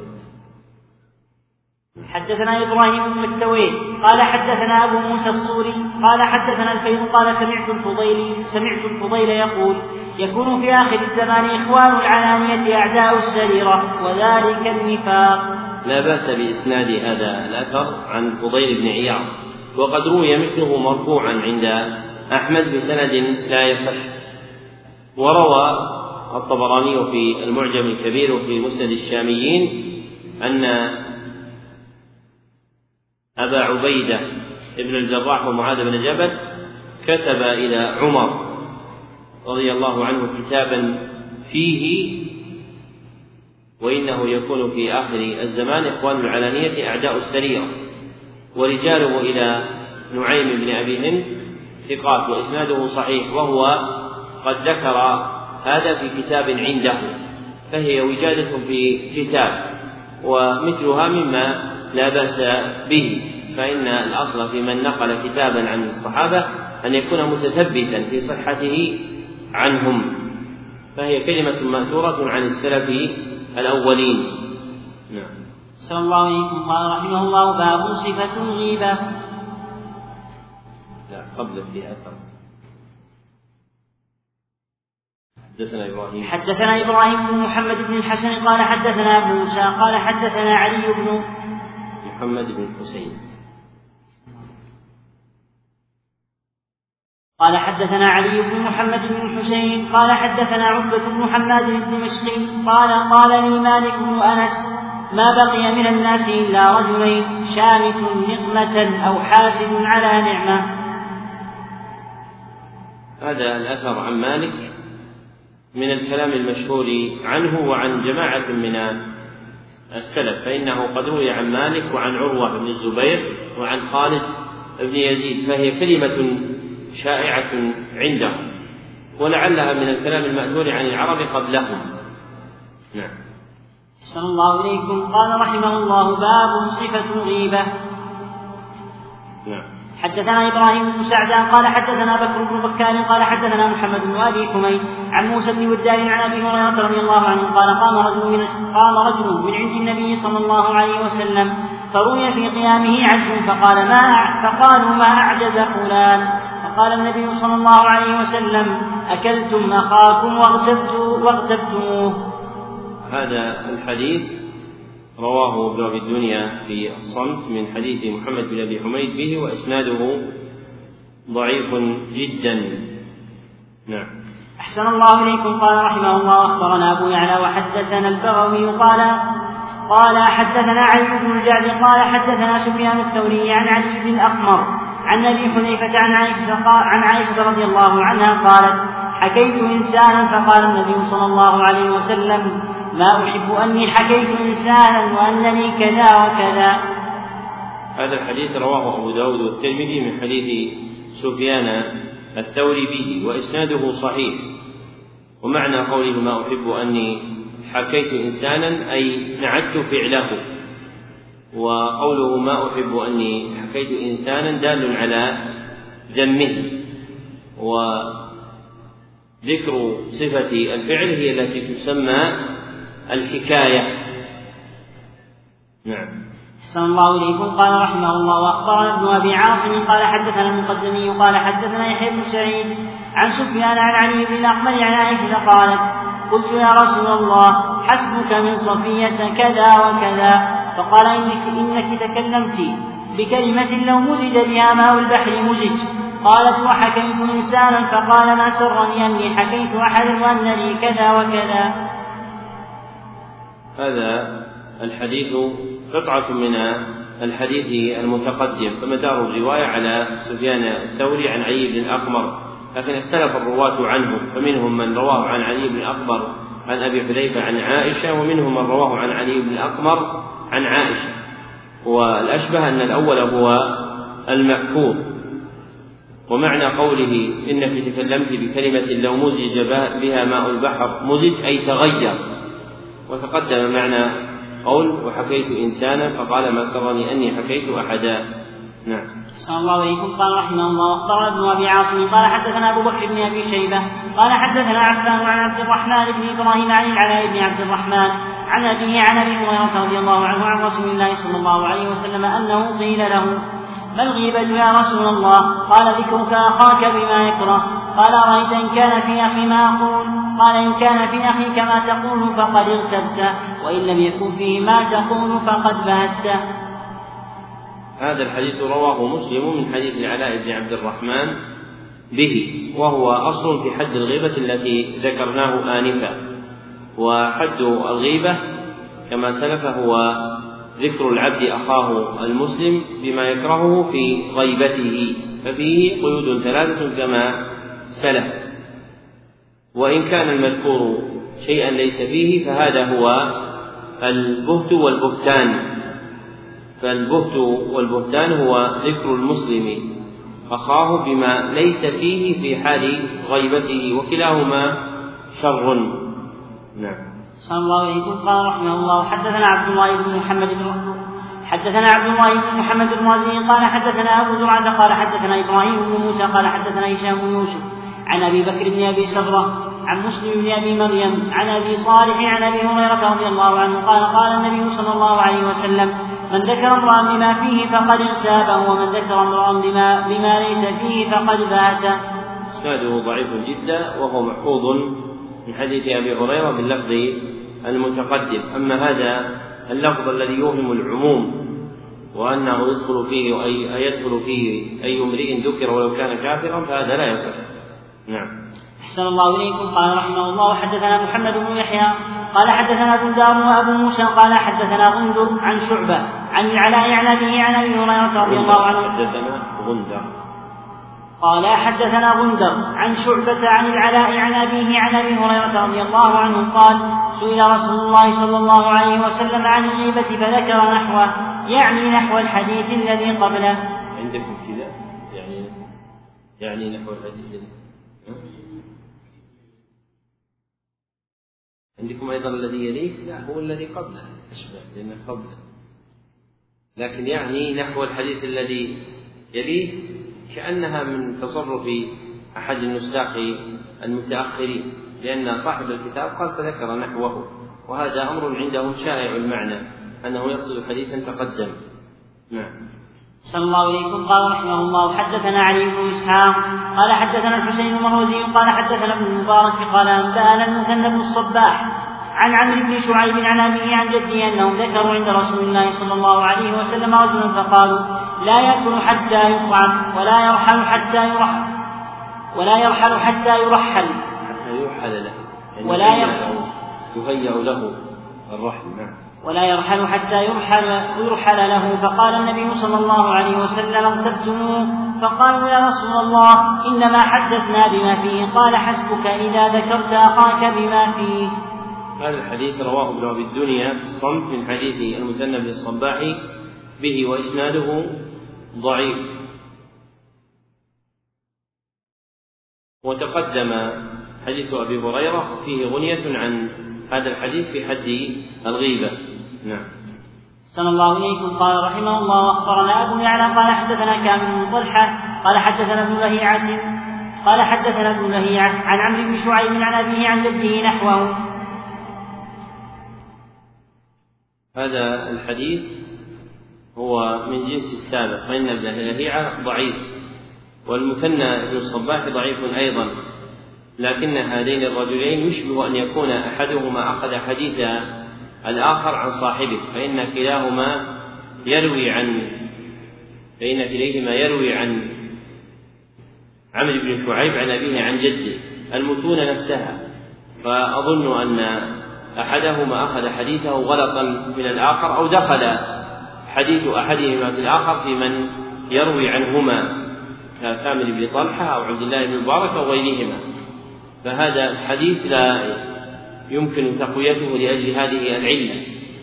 وبعض الحفاظ يطعنون في ألفاظ من رواية الثقات يقولون إنها ليست من حديثه وإنما دخلت عليه كما تكلم الدار قطني والحاكم وغيرهما في حديث قتيبة بن سعيد في الجمع بين الصلاتين وعدوه منكرا. وقالوا إنه أدخل في حديثه من جار له من المعروفين بالوضع. وراجع عليه. وهذا الإدخال يقع في كتب المحدثين إما بفعل جيرانهم أو بفعل أبنائهم أو بفعل كتابهم. فمن يعرف حديث المحدث وينقده يميز أن هذا من حديثه أو ليس من حديثه. نعم. صلى الله عليكم قال رحمه الله حدثنا علي قال حدثنا الحسين قال حدثنا ابن المبارك قال أنبأنا مالك بن أنس عن عبد الله بن الوليد عن المطيب بن حنطب قال سأل رجل رسول الله صلى الله عليه وسلم ما الغيبة؟ قال أن تذكر من أخيك ما يكره أن يسمع.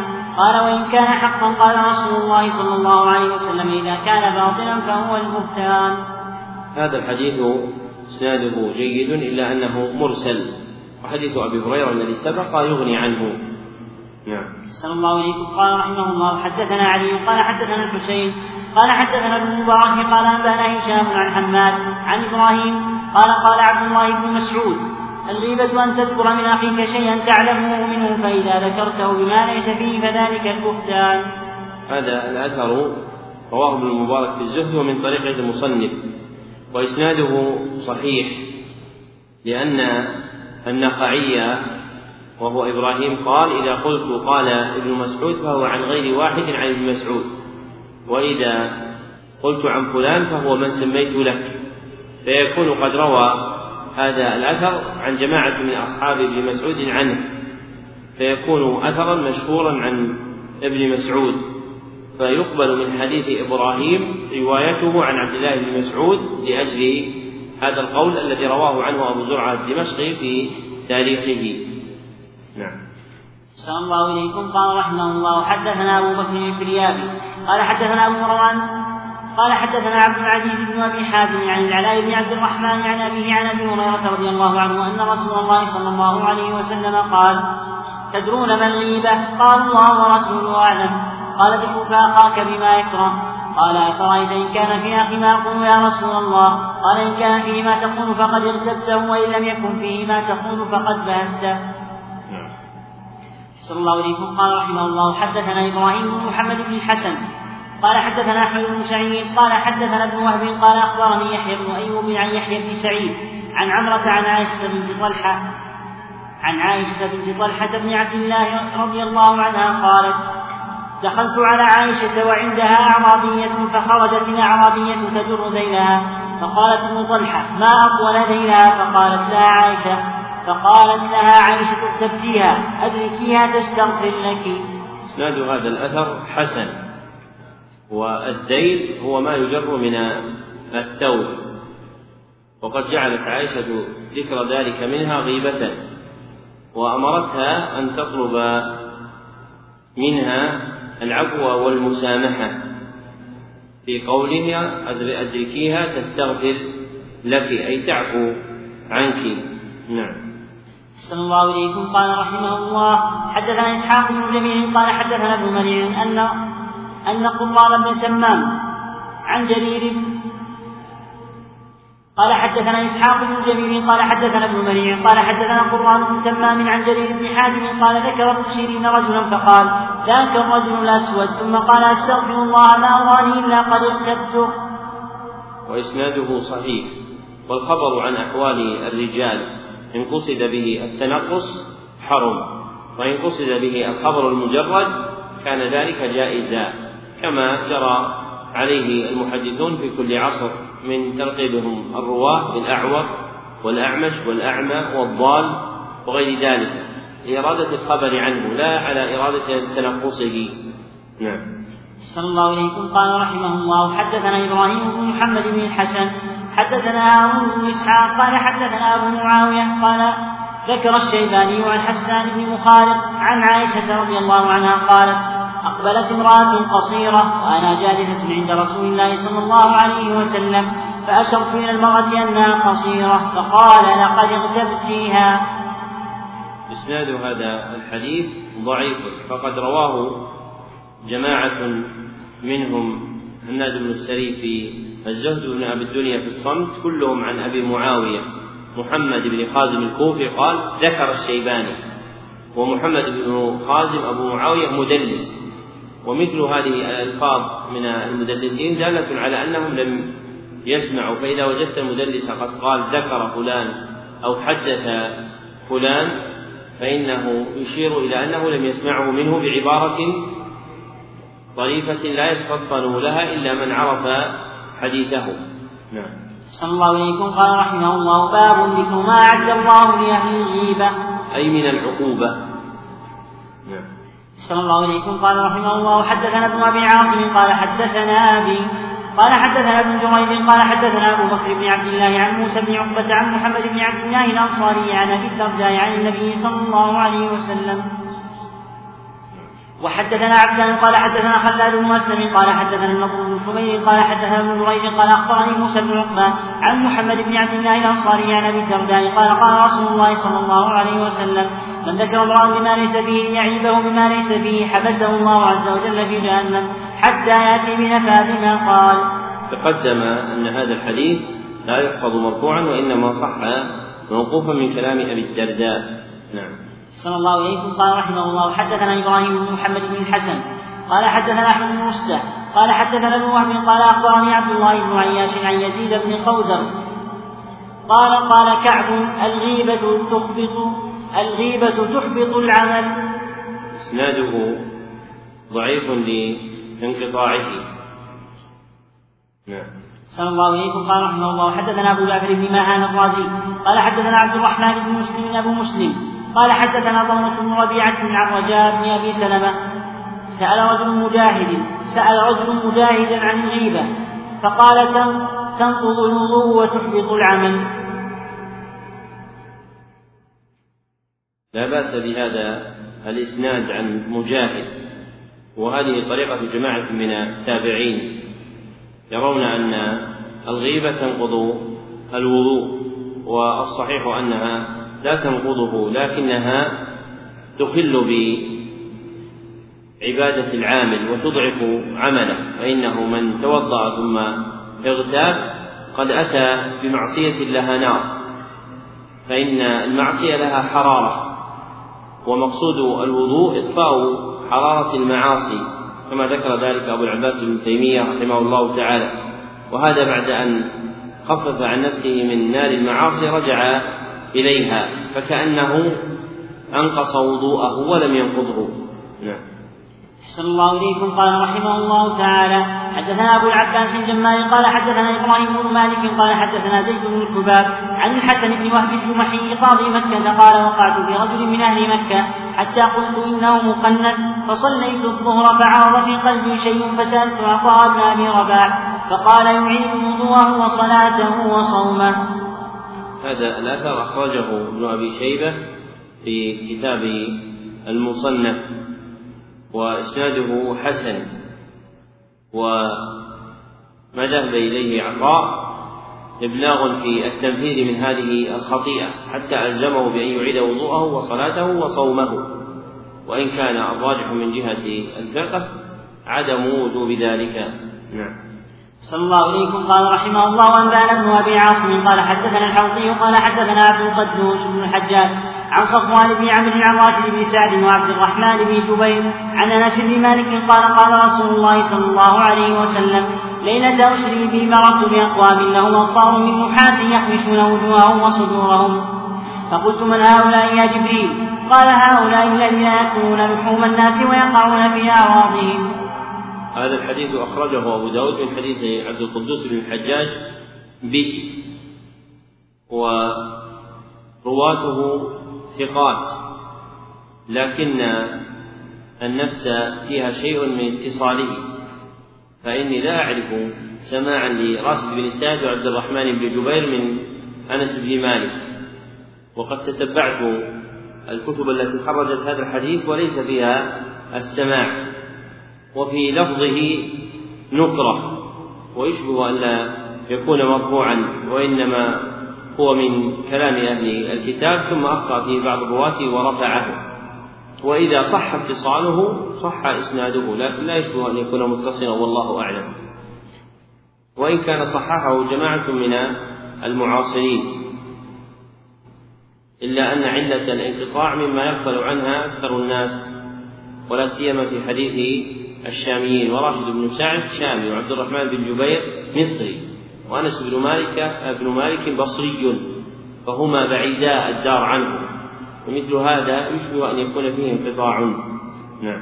صلى الله عليكم. قال رحمه الله واختار ابن أبي عاصم قال حدثنا أبو بكر بن أبي شيبة قال حدثنا وكيع عن الأعمش عن مجاهد عن طاووس عن ابن عباس قال مر النبي صلى الله عليه وسلم على قبرين يعذبان قال إنهما لا يعذبان وما يعذبان في كبير أما أحدهما فكان يغتاب الناس وأما الآخر فكان لا يتوقى من بوله هذا الحديث مخرج في الصحيحين من حديث الأعمش وهو حديث صحيح مشهور. نعم.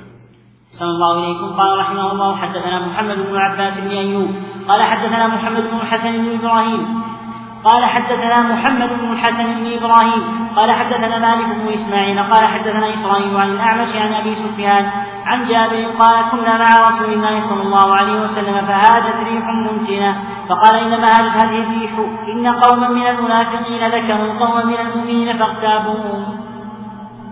ما حكم هذا الحديث؟ تقدم عندنا أن له علة أنه لا يصح وإنه دخل على بعض الرواة حديث في حديث وإنما هو كما ذكرنا أن النبي صلى الله عليه وسلم كان في سفر فلما كان قرب المدينة هبت ريح شديدة تكاد تدفن الراكب.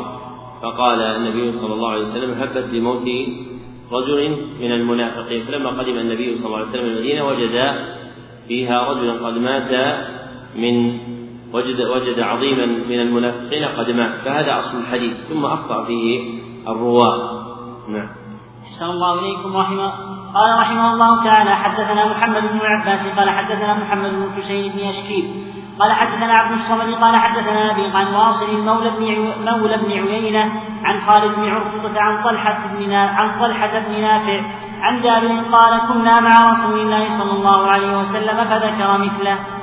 طلحة بن نافع هو أبو سفيان شيخ الأعمش في الحديث السابق والمحفوظ عن الأعمش عن أبي سفيان عن جابر هو الحديث الذي عند مسلم. هذا الإسناد غلط كما سلف. نعم.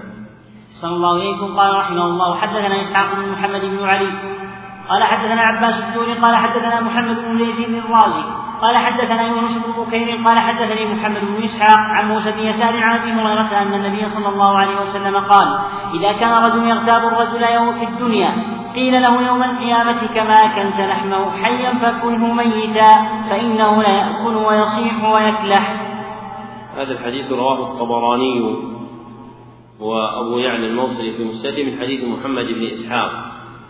وإسناده ضعيف. فإن محمد بن إسحاق مدلس وقد عن عنه ومثل هذا المتن يشبه مما دلسه محمد بن إسحاق عن بعض الضعفاء. وقوله فإنه لا يأكل ويصيح ويكلح الكلح هو التكشير في عبوس فهو يكشر بوجهه عابسا. نعم.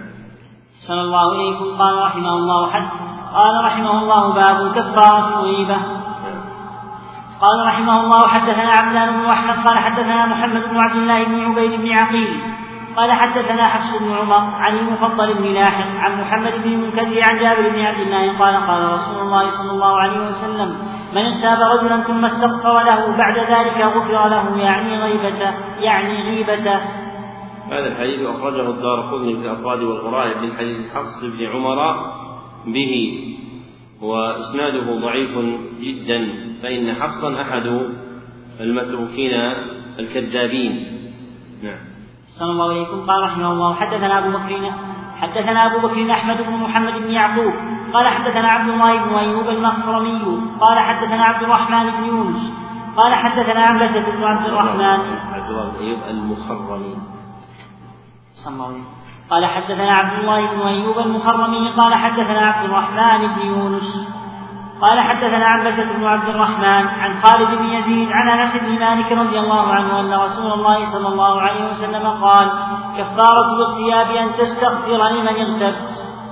هذا الحديث من رواية متروك آخر وهو عنبسة بن عبد الرحمن وقد رواه من طريقة ابن أبي الدنيا في كتاب الصمت وغيره وإذا رأيت الحديث يرويه متروك ومتروك فاعلم أن هذا الحديث ساق ويشبه أن يكون أحدهم سرقه من الآخر فإن سرقة الحديث أن يعمد أحد الكذابين إلى حديث عند غيره فيركبه بإسناده كأنه سمعه من شيخه نفسه أو بإسناد آخر ليروج.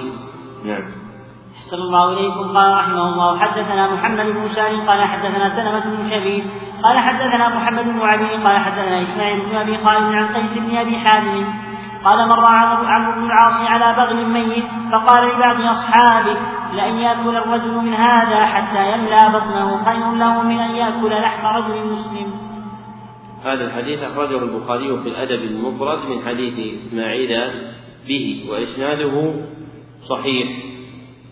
وهذه النسخة إسماعيل بن أبي خالد عن قيس بن أبي حازم نسخة رويت بها أحاديث عن العشرة المبشرين بالجنة فإن قيسا ممن أخذ عنه وإسماعيل أخص أصحابه به. نعم. صلى الله عليكم قال رحمه الله حدثنا محمد بن سهل. قال حدثنا سلمة قال حدثنا سعيد بن عامر. قال حدثنا هشام بن حسان عن خالد الربعي قال الربعي. الربعي قال كنت في مجلس لنا فذكروا رجلا فذكروا رجلا فنالوا منه فنهيتهم فكفوا. ثم عادوا في ذكري فتفرقنا من ذلك المجلس. فنمت فنمت فاتاني في منامي أسود بهيم. على كفه طبق من خلاف. على على كفه طبق من خلاف فيه بضعة من لحم فيه بضعة من لحم خنزير. فقال كل فأبيت عليه فقال كل فأبيت عليه. وأحسب أنه انتهرني وأكرهني عليه. فجعلت ألوفه ولا أصيغه. ولا أسيغه وأنا أعلم أنه لحم خنزير فانتبهت فما زلت أجد ريحها من فمي نحو من شهرين.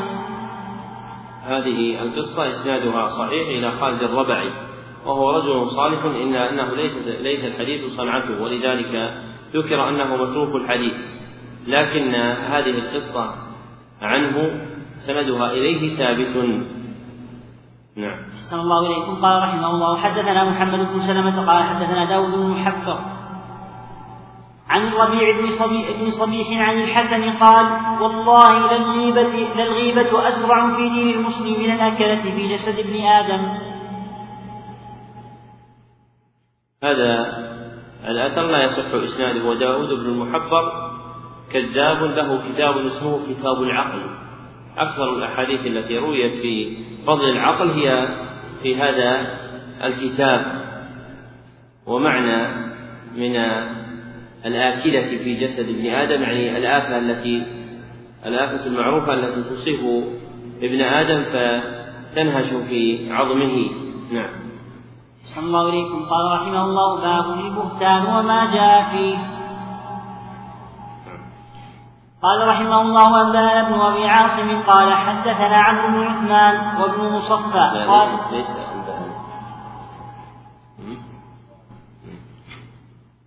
أخبرنا لأنه دائما أنبأنا لا تختصر لا ليس لها رمز عند المحدثين. هذا يدل على أن الصواب أخبرنا. نعم. الله عليه قال رحمه الله أخبرنا ابن أبي عاصم قال حدثنا عمرو بن عثمان وابن مصفى قال حدثنا بقية.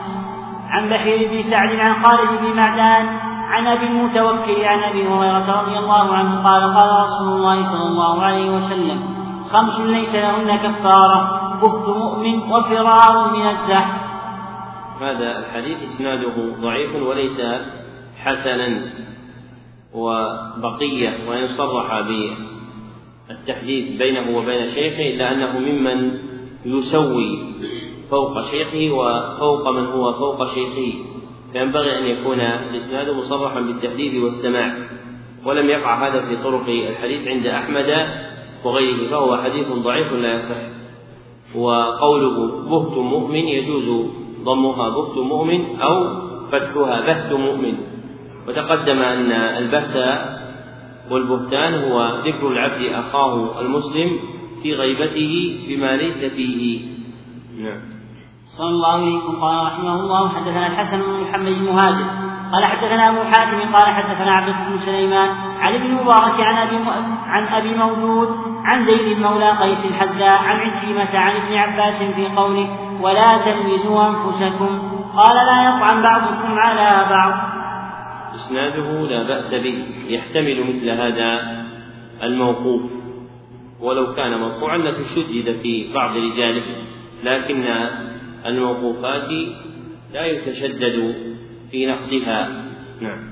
صلى الله عليكم. قال رحمه الله أخبرنا أبو يعلى قال سمعت عبد الصمد ابن يزيد يقول سمعت فضيل يقول سمعت فضيلا ابن يزيد سمعت عبد الصمد بن يزيد يقول سمعت فضيلا يقول في آخر الزمان قوم. سمعت سمعت فضيلا فضيلا سمعت فضيلا يقول. هذا على القاعدة السابقة في لغة ربيعة نعم. في آخر الزمان قوم بحاثون عيابون فاحذروهم فإنهم أشرار القلب ليس في قلوبهم نور الإسلام وهم أشرار لا يرتفع لهم من الله عمل. إسناده صحيح من كلام الفضيل رحمه الله تعالى. ومعنى قوله وهم أشرار لا يرتفع لهم إلى الله عمل أي أنهم لا يقومون بما أمرهم الله سبحانه وتعالى به فهم مشتغلون بالبحث والعيب والغيبة وليس لهم حظ مما أمرهم الله عز وجل به من صلاة وصيام وصدقة. نعم. صلى الله عليكم قال رحمه الله حدثنا محمد بن سالم قال حدثنا سلمة قال حدثنا علي بن عبد الله عن فضيل بن عياض قال سمعت سفيان الثوري يقول لئن أرمي رجلا بسهم أحب إلي من أن أرميه بلساني لأن رمي لأن رمي اللسان لا يخطئ.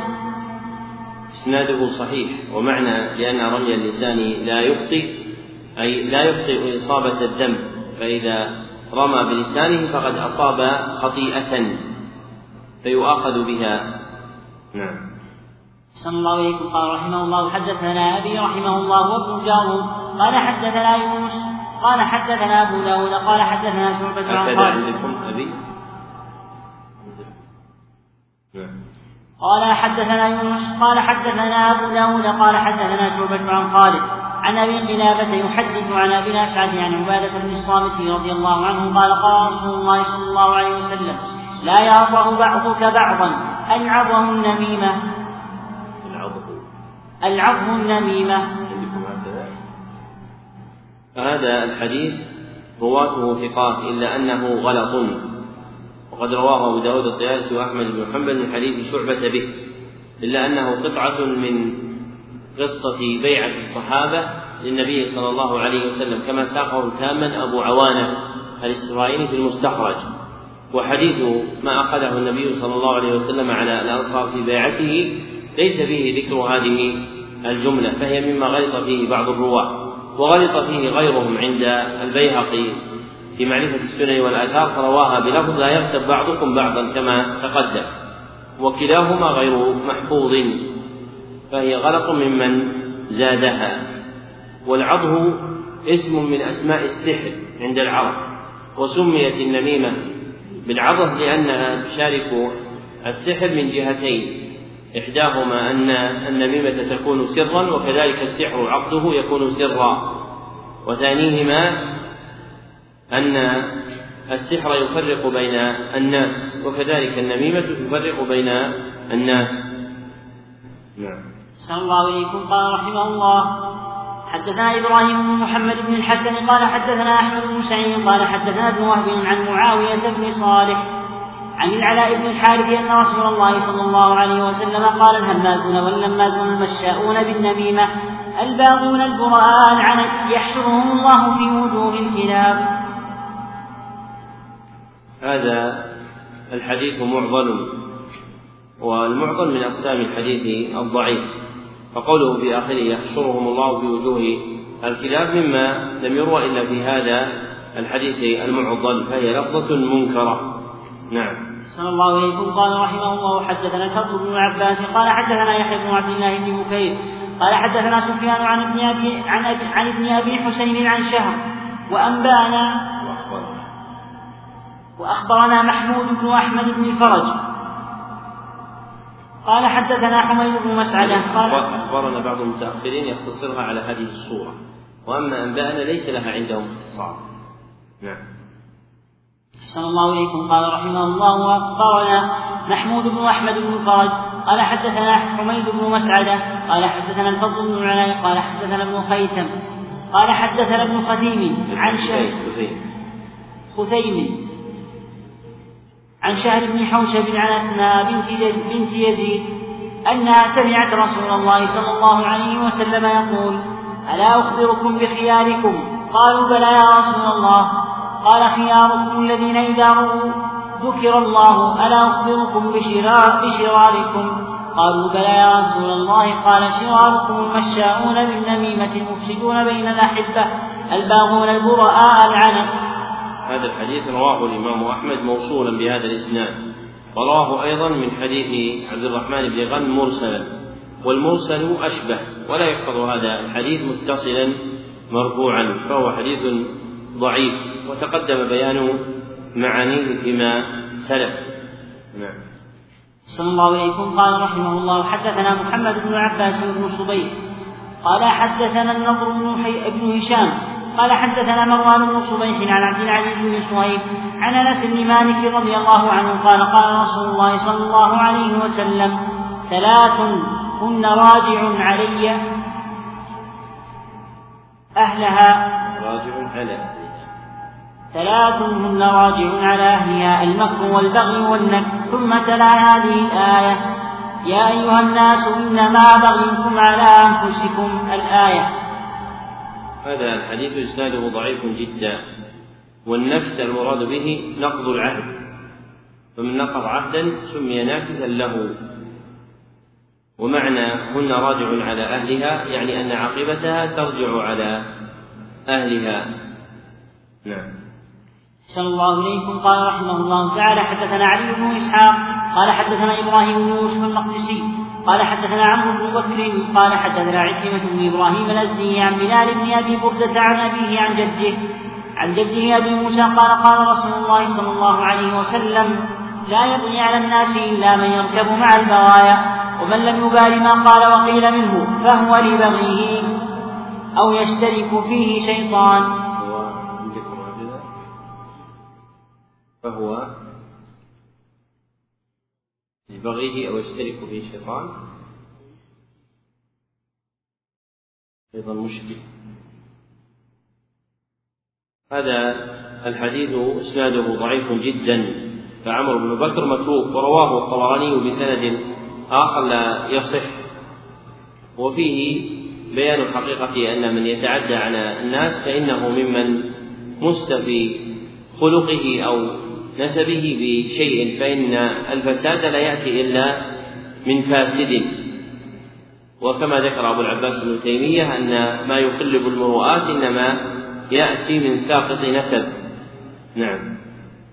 صلى الله عليه قال رحمه الله حدثنا بريد قال حدثنا أبو الربيع قال حدثنا ابن عبيد قال حدثنا أبو مالك عن سعد بن طريف عن مجاهد لا أعلمه إلا عن سعد بن طريف عن مجاهد لا أعلمه إلا عن ابن عباس قال إن البغي ليدرك إن البغي ليدرك صاحبه ولو بعد ثلاثين سنة. اسناده ضعيف جدا ومعنى لا يدرك صاحبه أو أن يؤخذ به وتناله عاقبته ولو طالت المدة. نعم. صلى الله إليكم. قال رحمه الله حدثنا إسحاق بن حكيم قال حدثنا محمد بن إسحاق بن إسحاق الصنعاني قال حدثنا أبو الجواب قال حدثنا عمار بن زهير عن الفطر عن القاسم بن أبي بزة عن عطاء الخراساني عن حمران عن عبد الله بن عمر قال قال رسول الله عن حمران. عمران حمران بضم الحاء. عن حمران عن عبد الله بن عمر قال قال رسول الله صلى الله عليه وسلم من حالت شفاعته دون حد من حدود الله فقد ضاد الله في امره ومن اعان على خصومة بغير علم. كان في سخط الله حتى ينزع. ومن بات مؤمنا حبسه الله في رضعه الخبال حتى يأتي مما قال بمخرج وليس بخارج ومن قال سبحان الله والحمد لله ولا إله إلا الله والله أكبر. كانت له من كل حرف عشر حسنات. ومن أعان على خصومة في باطل لم يزل في سخط الله. هذا الحديث أخرجه النسائي. في عمل اليوم والليلة من الكبرى من حديث أبي الجواب. الأحفص بن جواب الكوفي بهذا الإسناد. وإسناده لا بأس به. وروي من وجوه أخرى عن عبد الله بن عمر. وأخشى أن يكون هذا الحديث دخلت بعض جمله المرفوعة في جمل موقوفة فإن تتبع الطرق يدل على أن بعضها روي غلطا وقوله حبسه الله في ردغة الخبال وقع تفسير ردغة الخبال في حديث النبي صلى الله عليه وسلم فيما رواه النسائي بسند حسن من حديث عبد الله بن عمر أنهم قالوا وما ردغة الخبال يا رسول الله؟ قال عصارة أهل النار. نعم. أحسن الله إليكم. قال رحمه الله حدثنا إسحاق بن أحمد قال حدثنا أبو كريب قال حدثنا حفص بن عمر الشامي قال حدثنا ابن جريج عن عطاء عن ابن عمر قال قال رسول الله صلى الله عليه وسلم من حانت شفاعته دون حد من حدود الله فقد ضاد الله في ملكه وبنعان على خصومة بغير علم. كان في سخط الله حتى ينزع ومن بهت مؤمنا أو مؤمنة حبسه الله في رضعة الخباب حتى يأتي بالمخرج ومن مات وعليه دين وكل من حسناته. ليس ثم دينار ولا درهم وحافظوا على ركعتي الفجر فإن فيهما رغب الدهر إسناد هذا الحديث ضعيف جدا وتقدم من وجه آخر فيما سلف ويأتي من وجه آخر فيما يستقبل وسبق القول فيه. والحديث إذا طال فإنه يقع الخلل في روايته ولهذا قالوا من روى حديثا واحدا طويلا ولم يعرف له غيره فإنه ضابط له. بخلاف من تكثر روايته فإن الأحاديث الطوال يقع الخلل في ضبطها. وكان من الحفاظ من يعرف باختصار الحديث لئلا يطول عليه. وربما أداه اختصاره إلى روايته على وجه خلاف ما روي به أصلا. وممن كان يفعل ذلك شعبة بن الحجاج رحمه الله تعالى وغفر له. نعم. صلى الله عليكم قال رحمه الله حدثنا إبراهيم بن جعفر الاشعري قال حدثنا احمد بن محمد بن يحيى الصرحي قال حدثنا محمد بن الحسن عن فطر بن خليفه عن المثنى بن الصباح عن عطاء الخراساني عن ابن عمر قال قال رسول الله صلى الله عليه وسلم من بهت مؤمنا أو مؤمنه بغير علم حبسه الله في روضة الخبال حتى يخرج ممن قال وليس بخارج.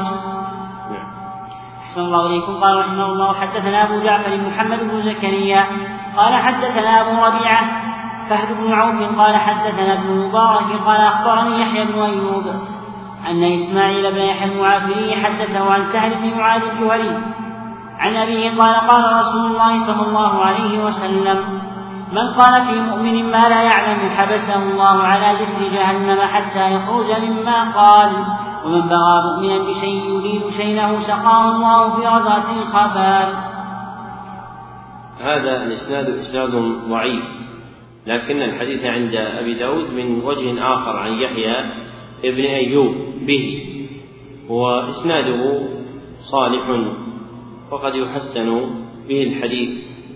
نعم. أحسن الله إليكم قال رحمه الله حدثنا سلم بن عصام قال حدثنا عبد الله بن الحجاج بن منهال قال حدثنا أبو عاصم عن قال حدثنا أبو عاصم عن أبي العوام. عن أبي العوام عن فضل قال قلت لعمرو بن عبيد إني لا أرجمك مما يقال. إني لأرحمك هذا غلط. إني لأرحمك مما يقال فيك. قال أسمعتني أقول لهم شيئا. قلت لا قال فارجمهم. قال فارحمهم فارحمهم نعم. إسناد هذا الأثر صحيح عن عمرو بن عبيد. صاحب البدعة المشهورة وكأن فطر ابن خليفة رحمه مما قال الناس فيه من الكلام وكان عمرو يخفي بدعته فقال أسمعتني أقول لهم شيئا؟ قال قلت لا قال فارحمهم وهذا إنما يصح في من كان بريئا مما يرمى به وأما عمرو بن بن عبيد فإنه كان معتزليا قدريا. فهو صاحب بدعة. نعم. صلى الله عليكم قال رحمه الله حدثنا محمد بن أحمد بن عمرو. قال حدثنا رستة رستة قال سمعت عبد الرحمن بن سمعت عبد الرحمن بن مهدي يقول لولا أني أكره أن يعصى الله أحببت أن لا يبقى في هذا المصر أحد إلا وقع في واغتابني وأي شيء أهنأ من حسنة يجدها, الرجل في صحيفته يوم القيامة. لم يعملها ولم يعلم بها. إسناد هذا الأثر عن عبد الرحمن بن مهدي صحيح وقد رواه عنه أبو نعيم الأصبهاني في كتاب حلية الأولياء. نعم. صلى الله عليكم قال رحمه الله سمعت محمد بن أبي سعيد الثقفي يقول عن عبيد الله بن عبد الكريم الجيلي قال من رأيته يطلب العثرات يطلب العثرات على الناس فاعلم أنه معيوب ومن ذكر عورات المؤمنين فقد هتك ستر الله المرخى على عباده وقال لولا المنافق ما عرف ما عرف للمؤمنين عيب ولولا الرياء ما عرف المسجونين ولولا أهل المعرفة لكان الناس كلهم في معنى البهائم ولولا ستر الله لكان الناس كلهم محتوكين نعم ما عرف المستورون ولولا الرياء ما عرف المستورون الله عليكم ولولا الرياء ما عرف المستور ولولا أهل المعرفة لكان الناس كلهم في معنى البهائم ولولا ستر الله لكان الناس كلهم محتوكين فمن, فمن كرمه جعل, جعل البر والفاجر في ستره. وإن لله عز وجل عبادا ما نظر إليهم منذ خلقهم بغضا لهم. وإن الله يتعاهد يتعاهدهم كما تتعاهد الأم الشفيقة طفلها في المهد. أحسن الله إليكم. قال رحمه الله باب جامع.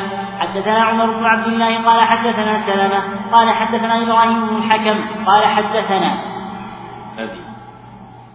حدثنا أبي الحكم بن أبان نعم.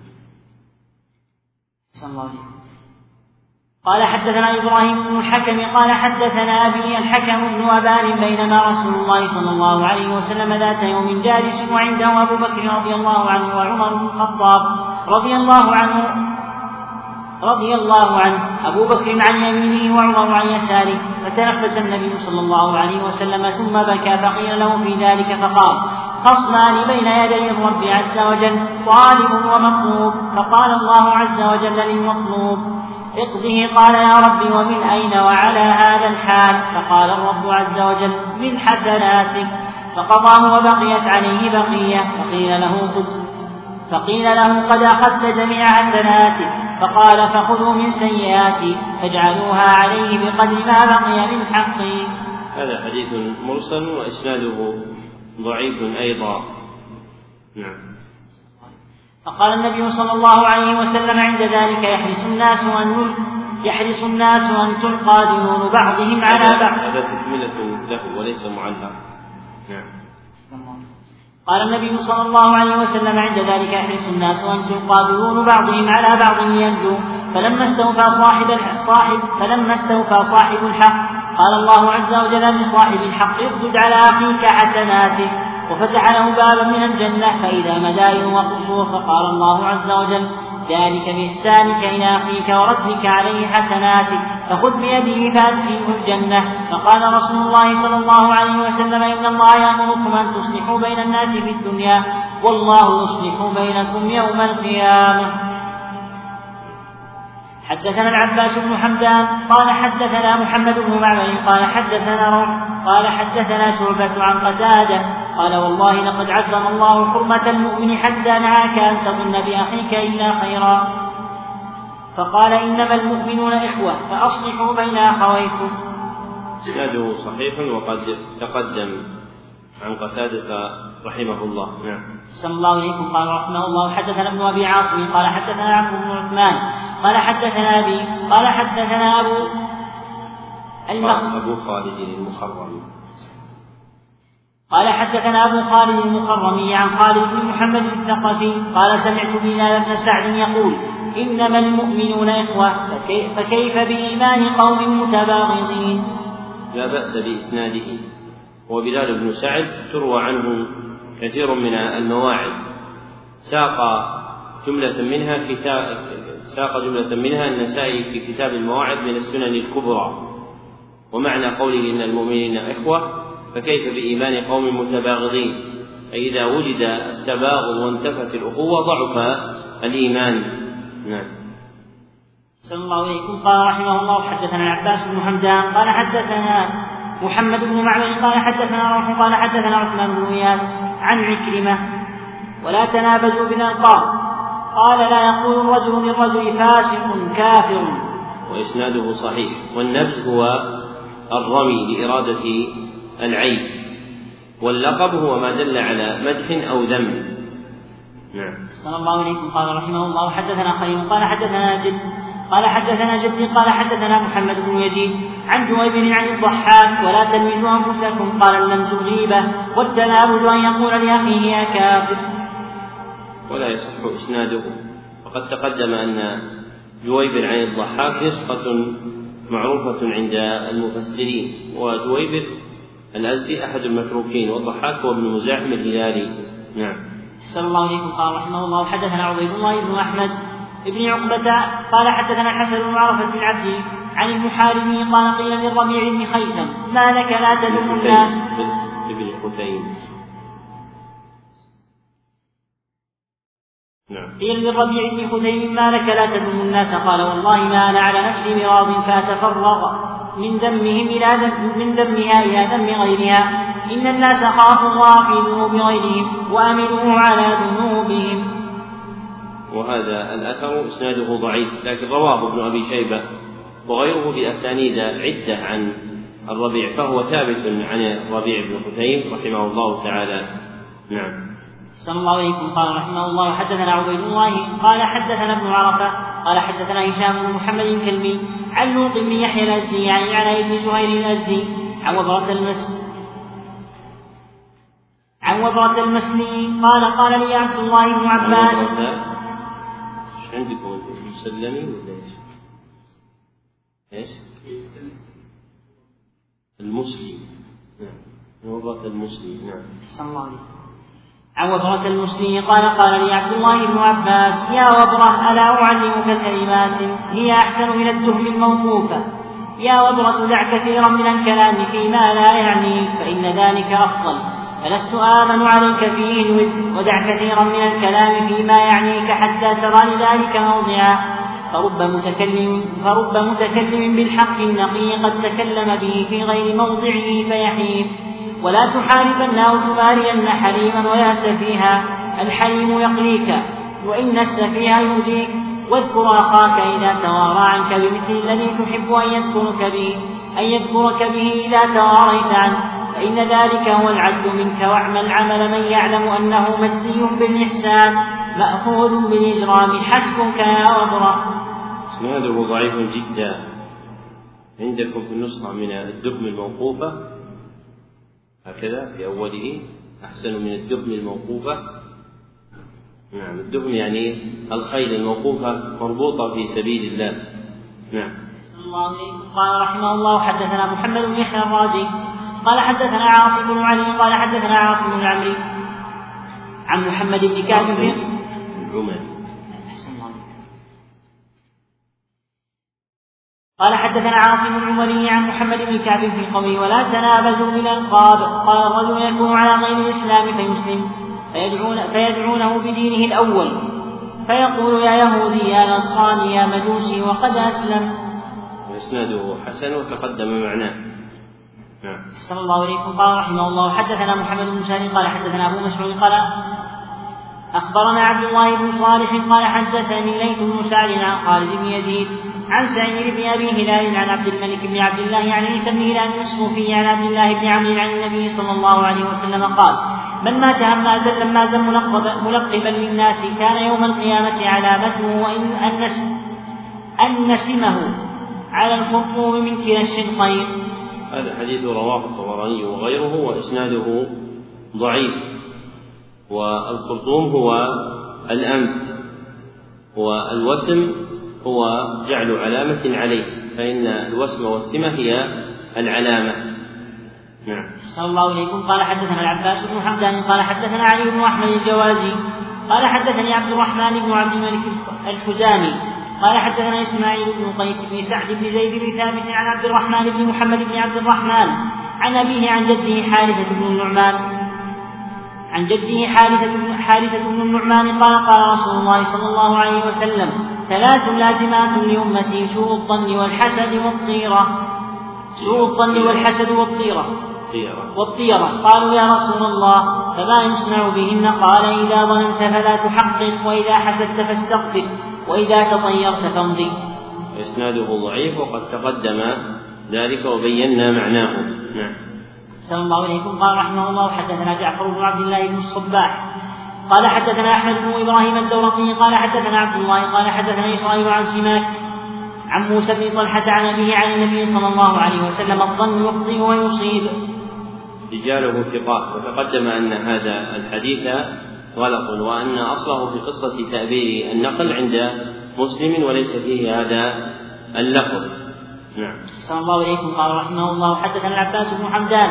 قال حدثنا محمد بن معبد قال حدثنا الروح قال حدثنا سعيد عن قتادة. قال التجسس أن تبتغي عيب أخيك لتطلع على سره وكنا نحدث أن الغيبة أن تذكر أخاك بما يشين كنا نحدث وكنا نحدث أن الغيبة أن تذكر أخاك بما يشينه ويعيبه وأن تكذب عليه فذلك البهتان. وإن تكذب وإن تكذب عليه فذلك البهتان. يقول كما أنت كان لو وجدت جيفة امرئ أن يأكل منها كذلك فاكره لحمه وهو حي.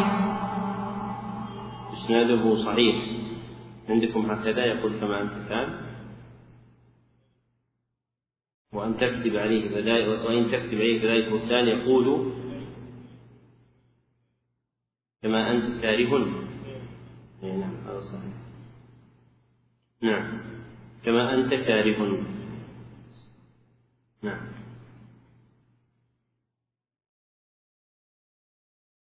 أحسن الله إليكم. قال رحمه الله حدثنا محمد بن الفضل بن الخصيب قال حدثنا يحيى بن يونس قال حدثنا إسماعيل بن عمرو قال حدثنا الحسن بن عبد السجستاني قال حدثنا عبد بن أبي برزة عن عن عن علية النحوي عن الضحاك إن بعض الظن قال هو ما تكلم هو ما تكلم باللسان وليس في القلب.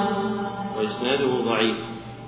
والمراد أن الظن الذي يقع هو ظن القلب وأما ما يجعل اللسان فإنه لا يكون ظنا. بل يكون قد أبداه صاحبه إما غيبة أو بهتانا أو رميا أو غير ذلك. فالظن محله القلب. نعم. صلى الله إليكم. قال رحمه الله حدثنا محمد بن يحيى قال حدثنا أبو موسى وأبو دار قال حدثنا محمد بن جعفر قال حدثنا شعبة عن العلاء عن أبيه عن أبي هريرة رضي الله عنه قال سئل رسول الله صلى الله عليه وسلم سئل رسول الله صلى الله عليه وسلم عن الغيبة فقال أتدرون ما الغيبة؟ قال الله ورسوله أعلم. قال ذكرك أخاك بما فيه. قال أرأيت إن كان في أخي ما أقول فيه؟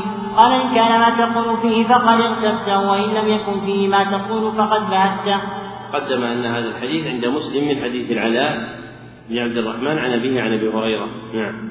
صلى الله إليكم قال رحمه الله حدثنا أبو يعقوب قال حدثنا الرمادي قال حدثنا أبو صالح قال حدثني معاوية بن صالح عن علي عن ابن عباس. في قوله ولا يغتب بعضكم بعضا. قال حرم الله على المؤمن أن يغتاب المؤمن كما حرم الميتة وإسناده جيد كما تقدم فإن علي بن أبي طلحة وإن لم يسمع من ابن عباس فإنه أخذ التفسير عن أصحابه كمجاهد بن جبر وعكيمة مولى ابن عباس. نعم. صلى الله إليكم قال رحمه الله حدثنا الوليد قال حدثنا الحسين بن علي قال قل على عامر عن أسباب عن السدي قال زعم أن سلمان كان مع رجلين من أصحاب النبي صلى الله عليه وسلم في سفر يخدمهما ويخدم عندكم إيش؟ إيش؟ ويخف بهما ويخف بهما ويخف بهما وينال من طعامهما. يخفف يخفف عنهما من العنب نعم. يخفف؟ يخف بهما. ويجوز ويجوز أن تكون يخف بهما يعني يكون في خدمتهما دائرا حولهما. نعم. ويخف بهما وينال من طعامهما وأن سلمان لما سار الناس ذات يوم بقي سلمان نائما لم لم يسر معهم. فنزل صاحبه فطلبه فلم يجده فضرب الخباء فقال ما يريد هذا العبد؟ إلا أن يجيء إلى طعام معد وخباء مضروب. فلما جاء سلمان وارسله إلى رسول الله صلى الله عليه وسلم ومعه قدح. فقال يا رسول الله بعثني أصحابي لتقدمهم إن كان عندك قال ما يصنع أصحابك بالأذن. قد اهتدموا. بالأذن بضم الهمزة. ما يصنع أصحابك بالأذن قد اهتدموا. فرجع سلمان فأخبرهم فانطلق حتى أتى يا رسول الله صلى الله عليه وسلم. فقال لا والذي بعثك بالحق ما أصبنا طعاما منذ نزلنا. قال إنكما قد قال إنكما قد اهتدمتما بسلمان بقولكما فنزلت أيحب أحدكم أن يأكل لحم أخيه ميتا؟ إنه كان نائما. وإسناد هذا الحديث ضعيف والأدم ما يجعل على الطعام ليؤكل. نعم. أحسن الله إليكم قال رحمه الله حدثنا أبو سعيد المعنى. قال حدثنا أحمد بن عبدة. قال حدثنا سفيان بن عيينة. قال كان من دعاء النبي صلى الله عليه وسلم اغتناما لعلم ربنا. وأكرمنا أبو سعيد.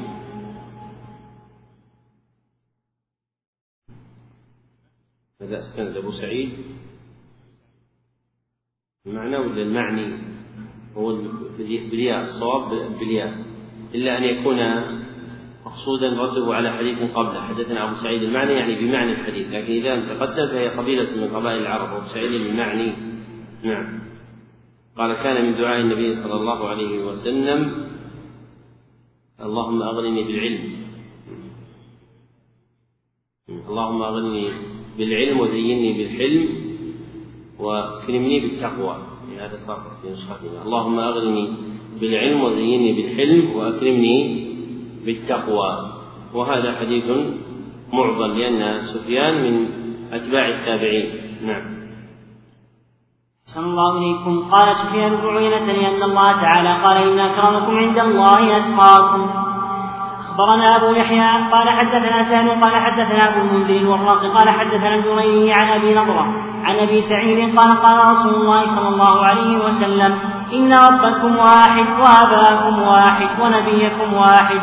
لا فضل لعربي على أعجمي ولا لعجمي على عربي ولا لأحمر على أسود ولا لأسود على أحمر إلا بالتقوى. هذا الحديث أخرجه أحمد في مسنده من وجه آخر عن الجريري به وإسناده صحيح. نعم. صلى الله عليكم. قال رحمه الله واخبرنا أبو يعلى قال حدثنا شيبان قال حدثنا المبارك بن فضالة ابن فضالة قال سمعت الحسن يقول الإيمان أن تعلم أن ما قاله الله عز وجل كما قال. إسناد هذا الأثر حسن عن الحسن البصري رحمه الله تعالى والمعنى أن حقيقة الإيمان أن تعلم أن ما قاله الله عز وجل آمرا لك أو ناهيا عنك هو كما قال فأتمر بأمره واجتنب نهيه. وختم المصنف رحمه الله تعالى هذا الجزء من كتابه به من محاسن الختم فأراد أن ينبه أن العمل بما فيه من أمر أو نهي ينبغي أن يكون كما ورد في الشريعة. وهذا آخر البيان على هذه الجملة من الكتاب وبالله التوفيق. هذا يقول في أول الأسئلة الثلاثة يقول إذا تيقنت أن الشخص الذي سألقى الذي سألقي عليه السلام لن يرد لعداوته لي ولتكرار عدم رد السلام عليه. فهل من المصلحة محبة الخير له ألا ألقي السلام عليه كي لا يزداد إثما؟ ليس الأمر كذلك. فإن الأمر الذي عبدت به أن تلقي عليه السلام. فأنت تلقي عليه السلام كما أمرت. وأما كونه إذا لم يرد أتم فهذا فعله هو. وما جعل الله سبحانه وتعالى عليه حفيظا. وأنت إذا حبست السلام فلم تسلم تركت امتثال الشريعة. وأنت مأمور بامتثال خطاب الشريعة دون نظر إلى ما يقع من مخالفته من الخلق. هذا يقول أرجو مزيد بيان لمعاني الحديث التي من أجلها اختير الكتاب كما وضحت في سبب إقرائه. ورد ذلك بالواقع خصوصا أننا نرى كثيرا من طلاب العلم قد قصروا في هذا الجانب حتى أصبح من علامات طالب العلم تقطيب الحواجب وعبوس الوجه وإظهار الشدة والغضة في القول. هذا الذي ذكره السائل في أصل وضعه صحيح من أن طالب العلم ينبغي له أن يتحلى بما جاء في هذا الحديث من الخلال المطلوبة وأن يتجنب الخلال المذمومة فإن العلم بمثل هذا ما يراد إلا للعمل وعلى طالب العلم أن يجتهد في ذلك. وأما جملة أننا نرى كثيرا من طلاب العلم قد قصروا في هذا الجانب حتى أصبح من علامات طالب العلم تقطيب الحواجب وعبوس الوجه وإظهار الشدة والغلظة في القول. هذه من المقالات الرائجة التي دخلت حتى على بعض المنتسبين إلى العلم فليس الأمر كذلك وإنما هذا شيء يبثه المزهد في العلم من المنتسبين إلى بعض الطوائف والجماعات التي تزهد في العلم وترغب عنه فينتشر مثل هذه المقالات. وإلا طلاب العلم بحمد الله فيهم الدين والفضل وهم خير الناس في الناس. وما قد يقع في أفرادهم لا يكون شعارا لجميعهم فهم من بني آدم ويفعلون ما يفعل الناس. فقد يوجد في أحدهم غلظة وعبوس لكن ما يكون فيهم فإن أضعافه يكون في غيرهم. فإن كل خصلة جميلة فالطائفة المنصورة والفرقة الناجية والقائمون بنصرة بنصرة الدين هي فيهم أكثر بحمد الله تعالى من غيرهم. وكل خصلة مخالفة للشريعة فهي فيهم أقل من غيرهم.